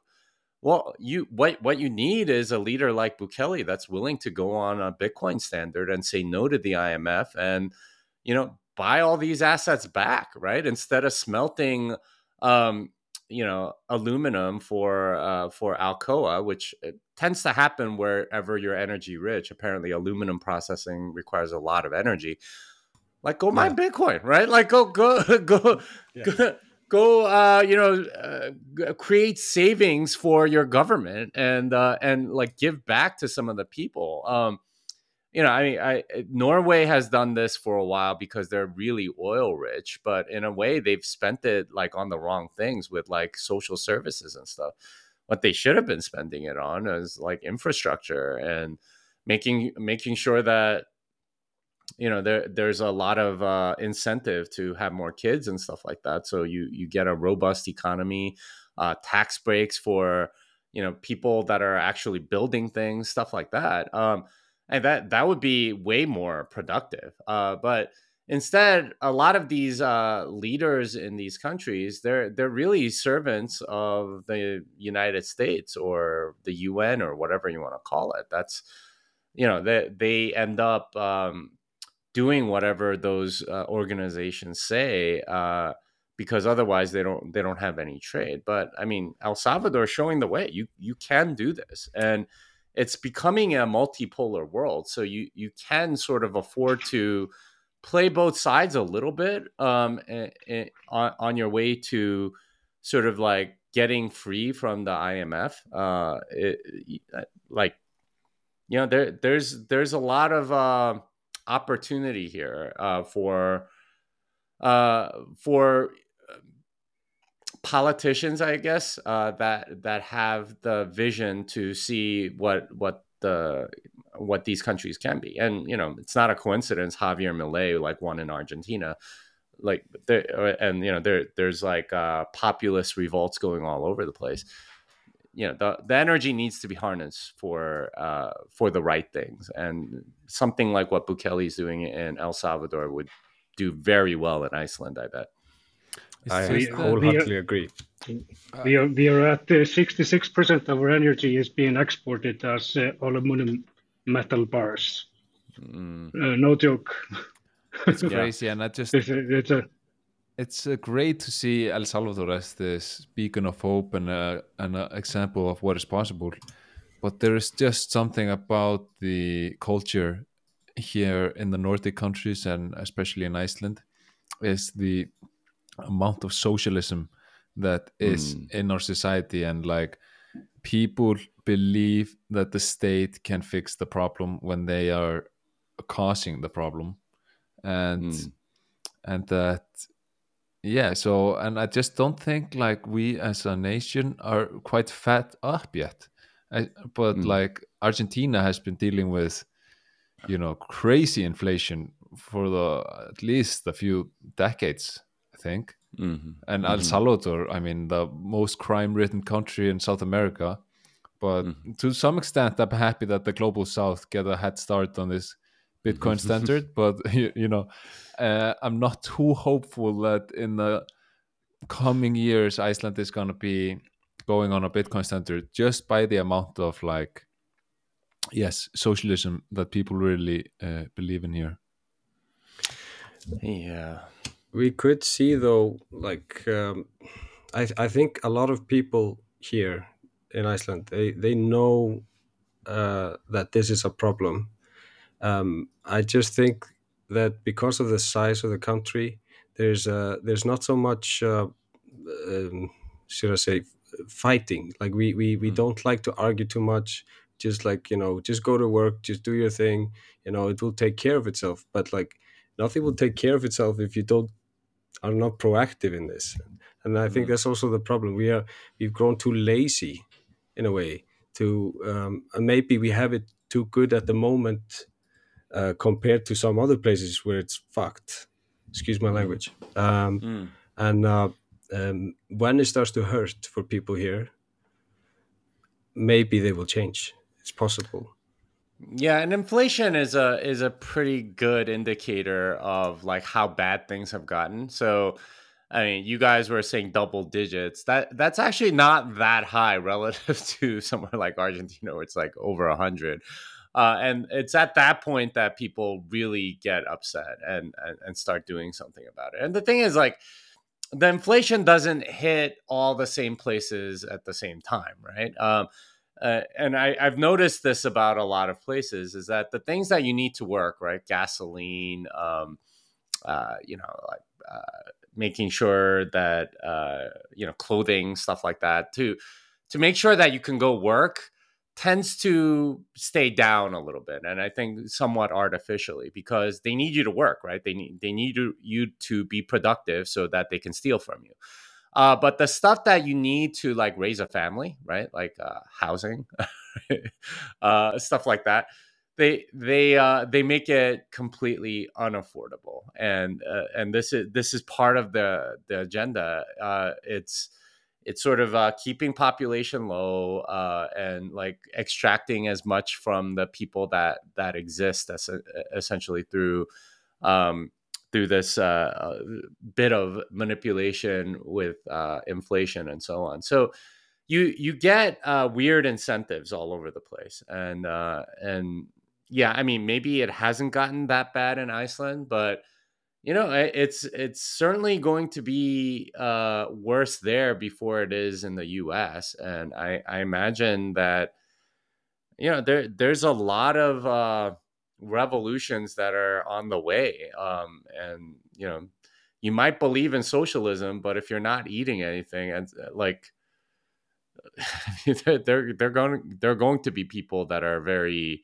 upset um, but that said like i said uh, stuff like food clothing gasoline things that you need to work they they usually keep those prices down um, either through debasing it or you know subsidizing it or something uh, but food especially uh, you know that that's something that the elites keep a very close eye on just to make sure that people don't revolt because when they're hungry they they definitely revolt there is a bit of uh, not a bit there is some vibration in society here because of the housing problem and that, that is a big problem here like people Mm. can't afford housing um, or they uh, they can't buy property. I mean they can't afford it. And it's just like they're bleeding basically money every month. Like they can't like it's almost such that they can't make ends meet.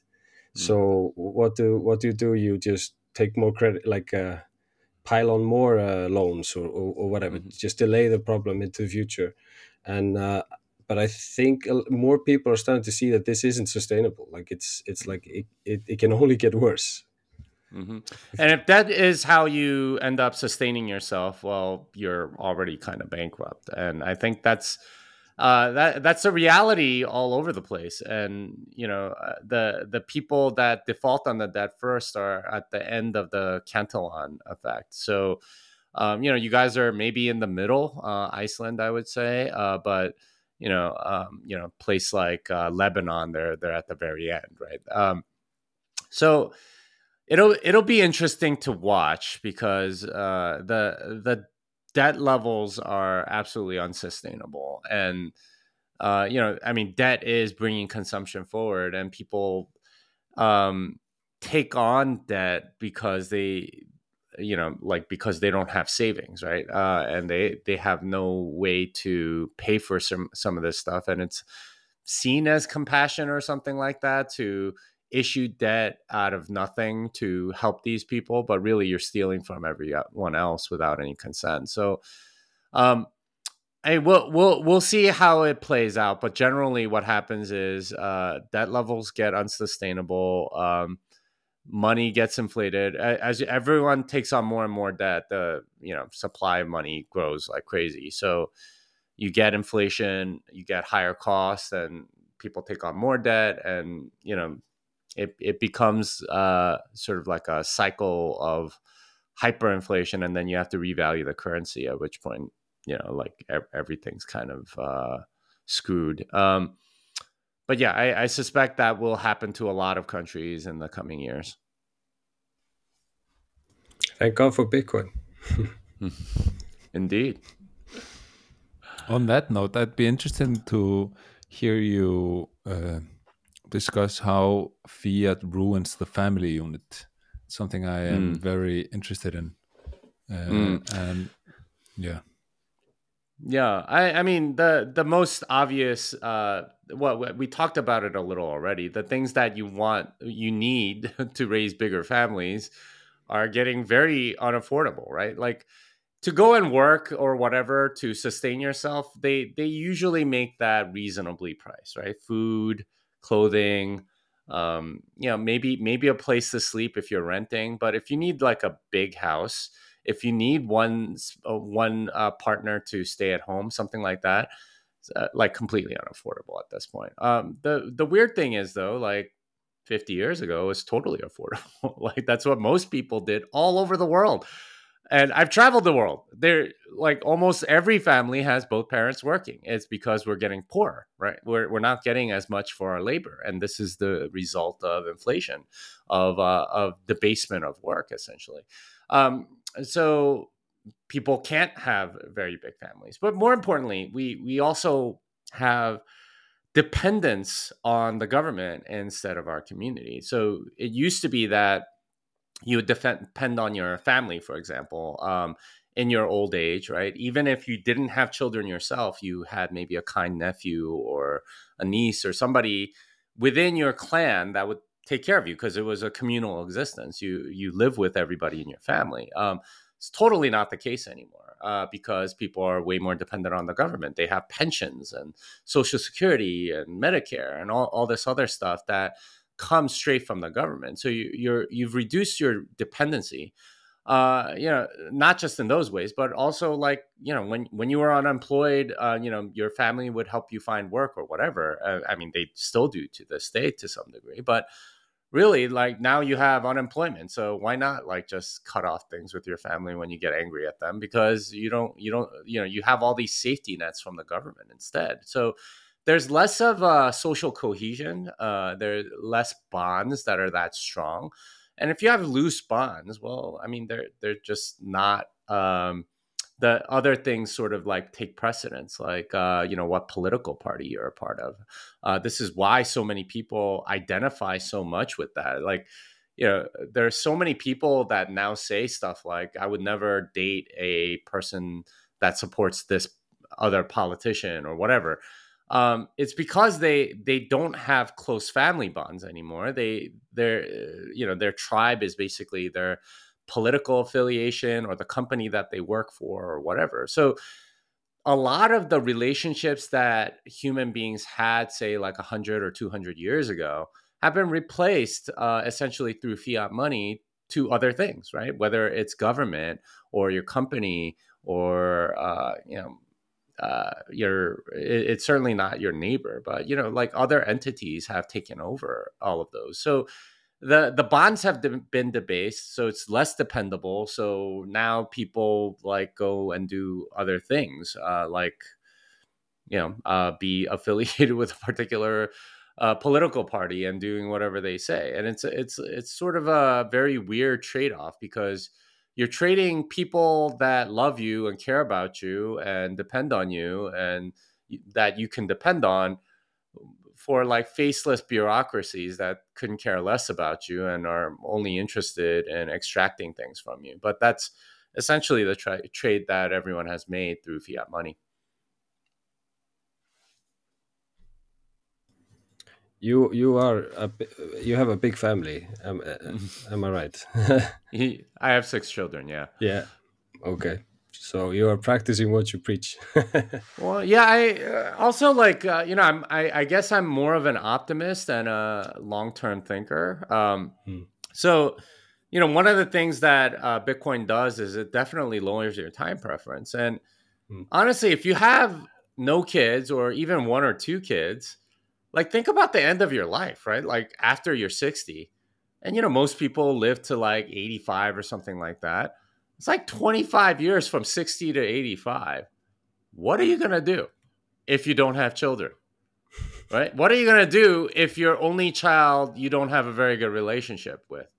What are you going to do if your two children that you have are like in some other country somewhere and don't want to talk to you? It's gonna be a pretty miserable existence.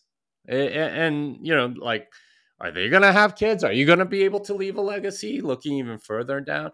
Like you know who's gonna take care of you? I mean if you believe as i do that social security and pensions and stuff like that all of that stuff is gonna go you know i like it's it's not coming to us then you you have to kind of plan for it. And uh, you know, having children honestly was the original way of uh, you know filling in for retirement or something. It was it, it was a way for them to take care of you because you took care of them, and you know that that that's the way it should be. Is uh, you know you you have these tight bonds. You're you're in a community. You're with people that love you. You're not you know depending on some faceless you know bureaucratic organization that's giving you just money like it's it's not just money right? It's it's about like companionship and friendship and you know relationship and like being in somebody's life and stuff like that. That that to me is like way more valuable. And having a lot of children it's it's a way for me to give them a gift too because every large family or a- anyone that's from a large family right? I, I have six children.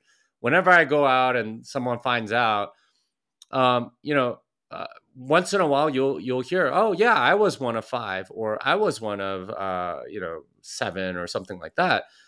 And you know i'll ask them well so how was how was that experience? Well it was it was really fun growing up but you know what? I really appreciate it now. I'm like why? Well i i i have a large family right? Like and and this is this is the thing about a family it and this is why people had so many kids. Every person ends up adding value to everybody else. So uh, I, I, I like you're you're a doctor, John, right? Like so all all of your relatives, whenever they have a medical problem, they probably call you up, right? Like, oh, hey, yes. uh, you know, I, I I have this like weird cough. Can you can you tell me? You're adding value to them because you're related to them, and they know you love them, so they they ask for your advice instead of some faceless NHS bureaucracy about oh, you know, like yeah, you you really need the surgery because I happen to be a brain surgeon and I make four hundred thousand dollars every time I do brain surgery. It's a, it's not like that.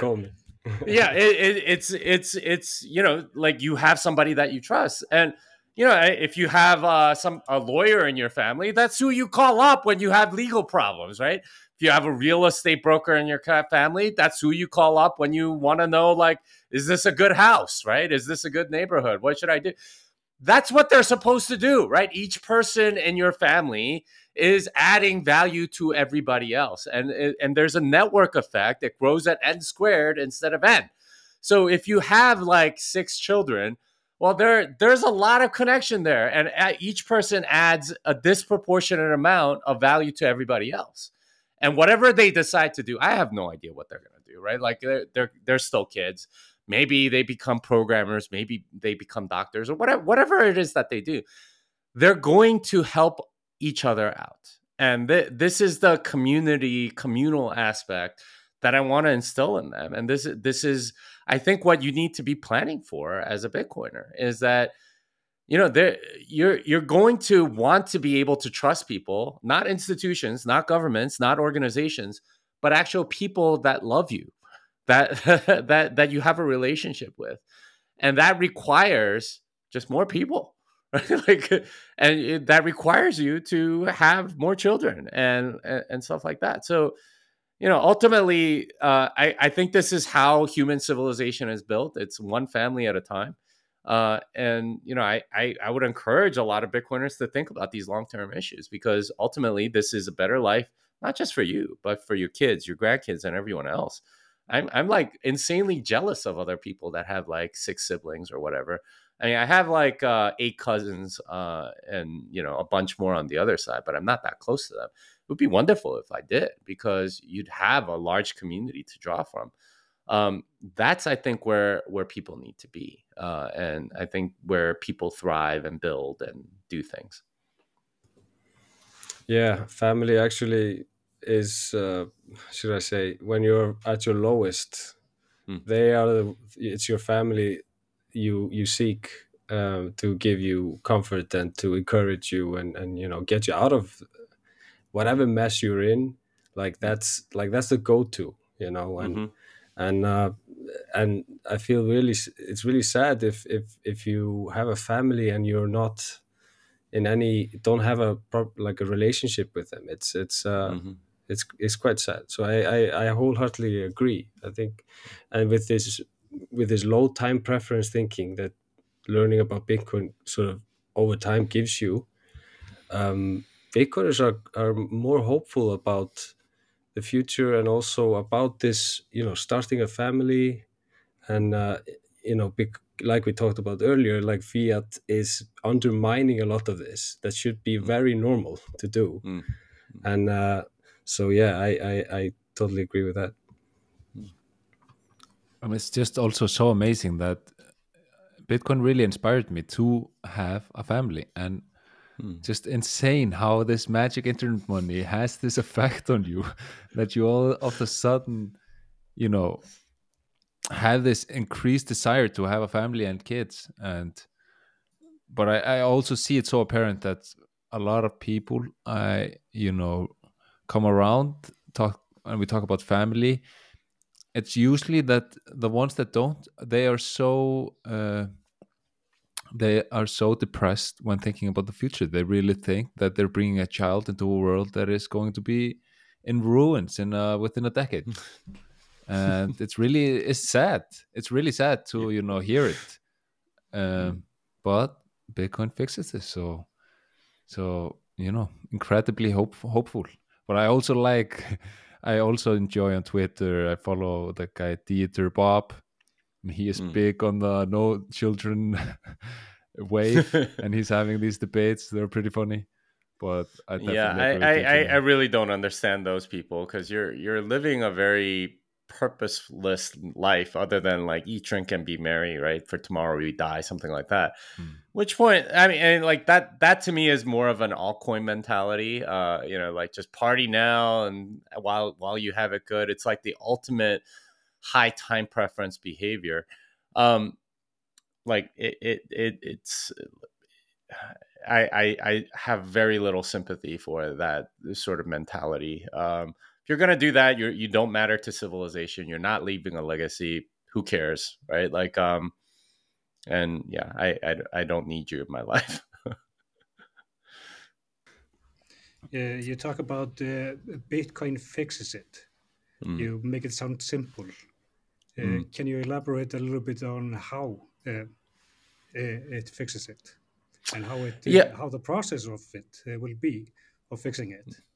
Yeah, I mean, ultimately, what what ends up happening is uh, removing fiat from the equation changes a lot of incentives, right? Um, so you have all this newly printed money that ends up in the hands of various people, and that changes a lot of stuff. Uh, that that changes the incentives, how they behave, how uh, you know what things they go into, and so on. Um, but as the incentives change, people change too, right? So uh, you know, during uh, La Belle Epoque, 1870 to 1910, when the world was on the gold standard, we had some of the craziest innovations and more inventions per capita, more things being built all over the place. We had that because people were free to pursue uh, these projects, right? They they had not just the mental space, but the the savings and the economic uh, incentives to go do all of that. Um, last 50 years, if you think about it, like where have the best and the brightest been going? Right. Instead of inventing the steam engine or the airplane or, you know, uh, the automobile and things like that, eh, they've been going into investment banking and uh, and what you know why? Because you can make way more money in investment banking than investing eh, you know inventing a new widget of some kind uh, and it's way easier. You you uh, you know you, you work maybe 80 hour weeks but you also make like 20 million dollars. That's that that's a pretty good trade right? Like that's what they would rather do.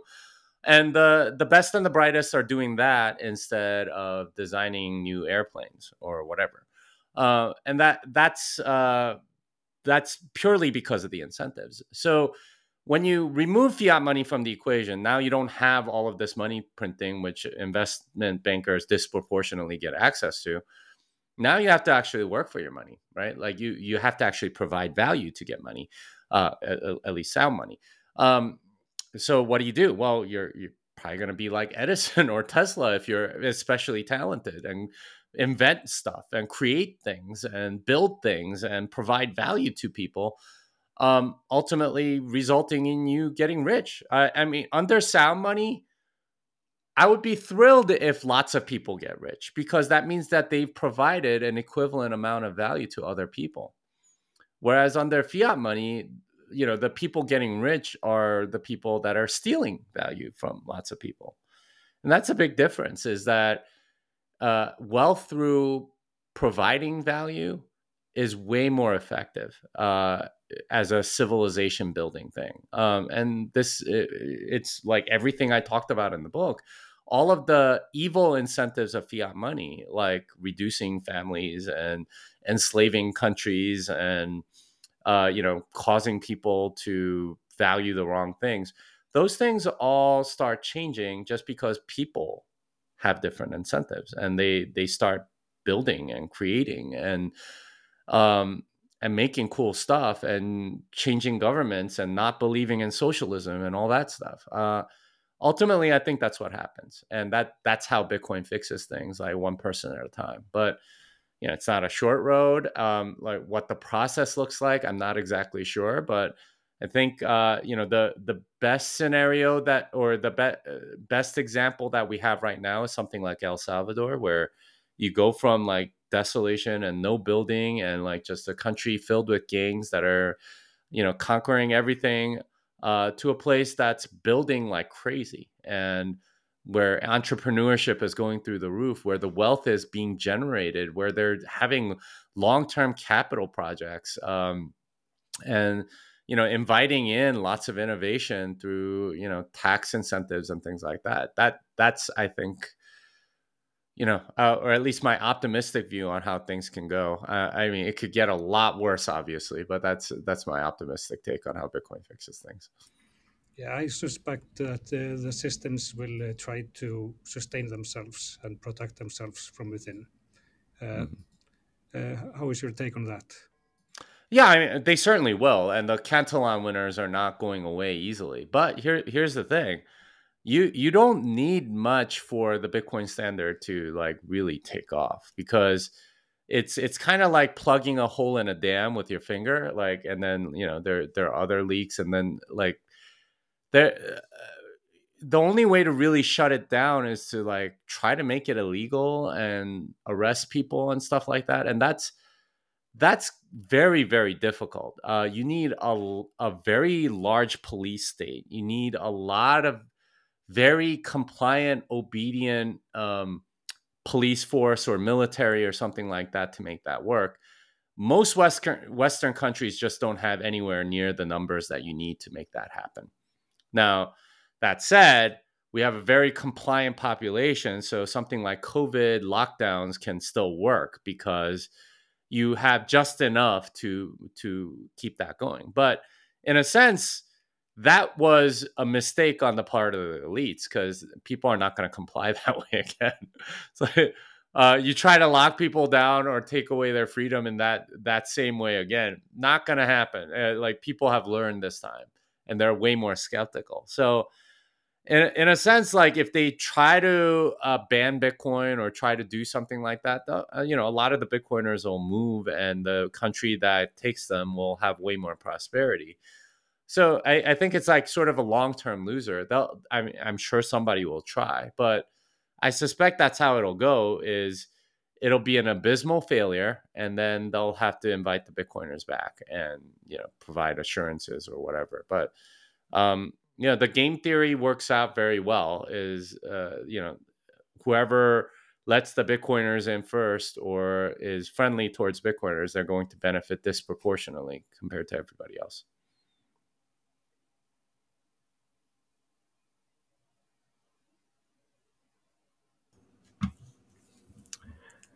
Does someone want to ask a last question for Jimmy?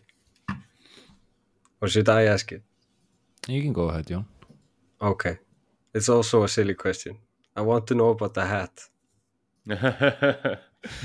All right, so I wear the hat for three reasons. One is because I'm from Texas, and if you know anything about Texans, it's that we want you to know we're from Texas. So the hat is a very clear indicator that I am from Texas. Uh, reason number two, I work in this industry that is crazy uh, in many ways, but it's it's got a lot of opportunity, but also a lot of danger, a lot of scams, a lot, a lot of altcoins, for example, a lot of snake oil salesmen. So it's a reminder to people: be careful, right? It it it is a little bit like the Wild West, and you got to be careful about who you learn from and who you listen to, and so on. And the third reason is because I love that 19th century American, you know, West era, right? Um, the, and if you think about the United States from 1799 to 1901, right? Like what what happened there? Well, it was 1799. We're a former backwater British colony. It, you know, sliver, tiny sliver on the uh, on the East Coast. Um, 1901 world superpower. Like what happened in that century? Well we expanded right? It, it, it was it was all the all, all the frontiersmen that went out west uh, that that conquered the west if you will um, and went from the east coast all the way to the west coast. And the phrase back then in the eight uh, in the 19th century was always go west young man. Go west young man what was that phrase about? Well, the uh, the phrase was about uh, like sort of the the state of the East Coast. So you're a baker, you're a lawyer, you're you're somebody on the East Coast, you're a cobbler, whatever. You're on the East Coast. You train, you're like 22, 23, 24, and you know how to make shoes, you know how to bake bread, you know how to do legal documents or whatever. But you have a lot of competition, right? You you have uh, bakers, lawyers, cobblers that have been doing it for 40 years, and you know people kind of have relationships with them, so they're gonna keep going back to those.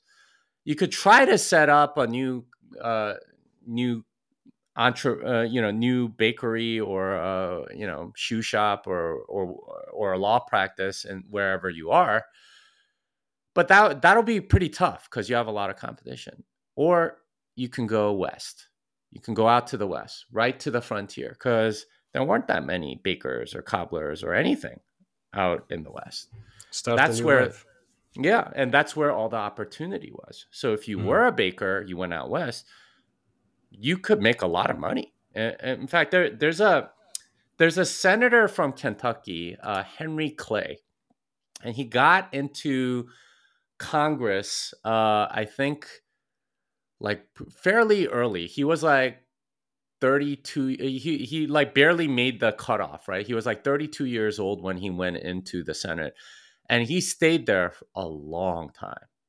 Why? Because he was there when Kentucky was was a state at the beginning, and there weren't there wasn't much competition, and he managed to stay there and, and do that. Now, I'm not saying you should become a politician, but that that the idea is that you go out to the frontier there's not that much competition and you have a lot of opportunity and you can get very rich because the people that you're providing for like they they need all kinds of stuff and that the hat is a reminder to other people you could go west it's just not you know, particular land, I guess you could go to Alaska, but that's not what I mean. I mean, you can go west in the sense that there's a new frontier out there. It's Bitcoin. If you're an accountant, be the best Bitcoin accountant that you can be because the 60 year old accountants are not learning Bitcoin now, right? If you're a lawyer, go be a Bitcoin lawyer because the 60 year old lawyers don't know anything about Bitcoin, have no idea what the legal precedents are. You go learn everything there is to know about Bitcoin lawyering. You have a lot of opportunity, right? Mm. That's what I mean. Like, go find your intersection between Bitcoin and whatever it is that you're good at, and that's your opportunity. And you can probably make a lot of money doing it. That's I what love I it. I. I love it. I love it. Go west, young man. Yeah. Or like figuratively, go west, meaning you know, just Yeah. go to the frontier. You know, Go you know, Bitcoin, young man. Yeah, go Mhm. Bitcoin, young man. There you go. um, Jimmy, this has been an amazing uh, time talking to you. Uh, we're very grateful for you uh, uh, that you came here to talk to us. well, thanks for having me. It was a lot of fun. Yes, Thank you, and Jimmy. uh, hopefully uh, you will come and visit our island country sometime. I would would love see to. I would love to, and at some point, I, I definitely will. Um, yeah, it's a, it's a little difficult getting there, but yeah, we'll we'll figure it out. Austin to, I, I, I can't remember what the airport there is, but yeah, that's a, it's a little bit of a far away. Hopefully one day. Yeah, Thank you, Jimmy, very much.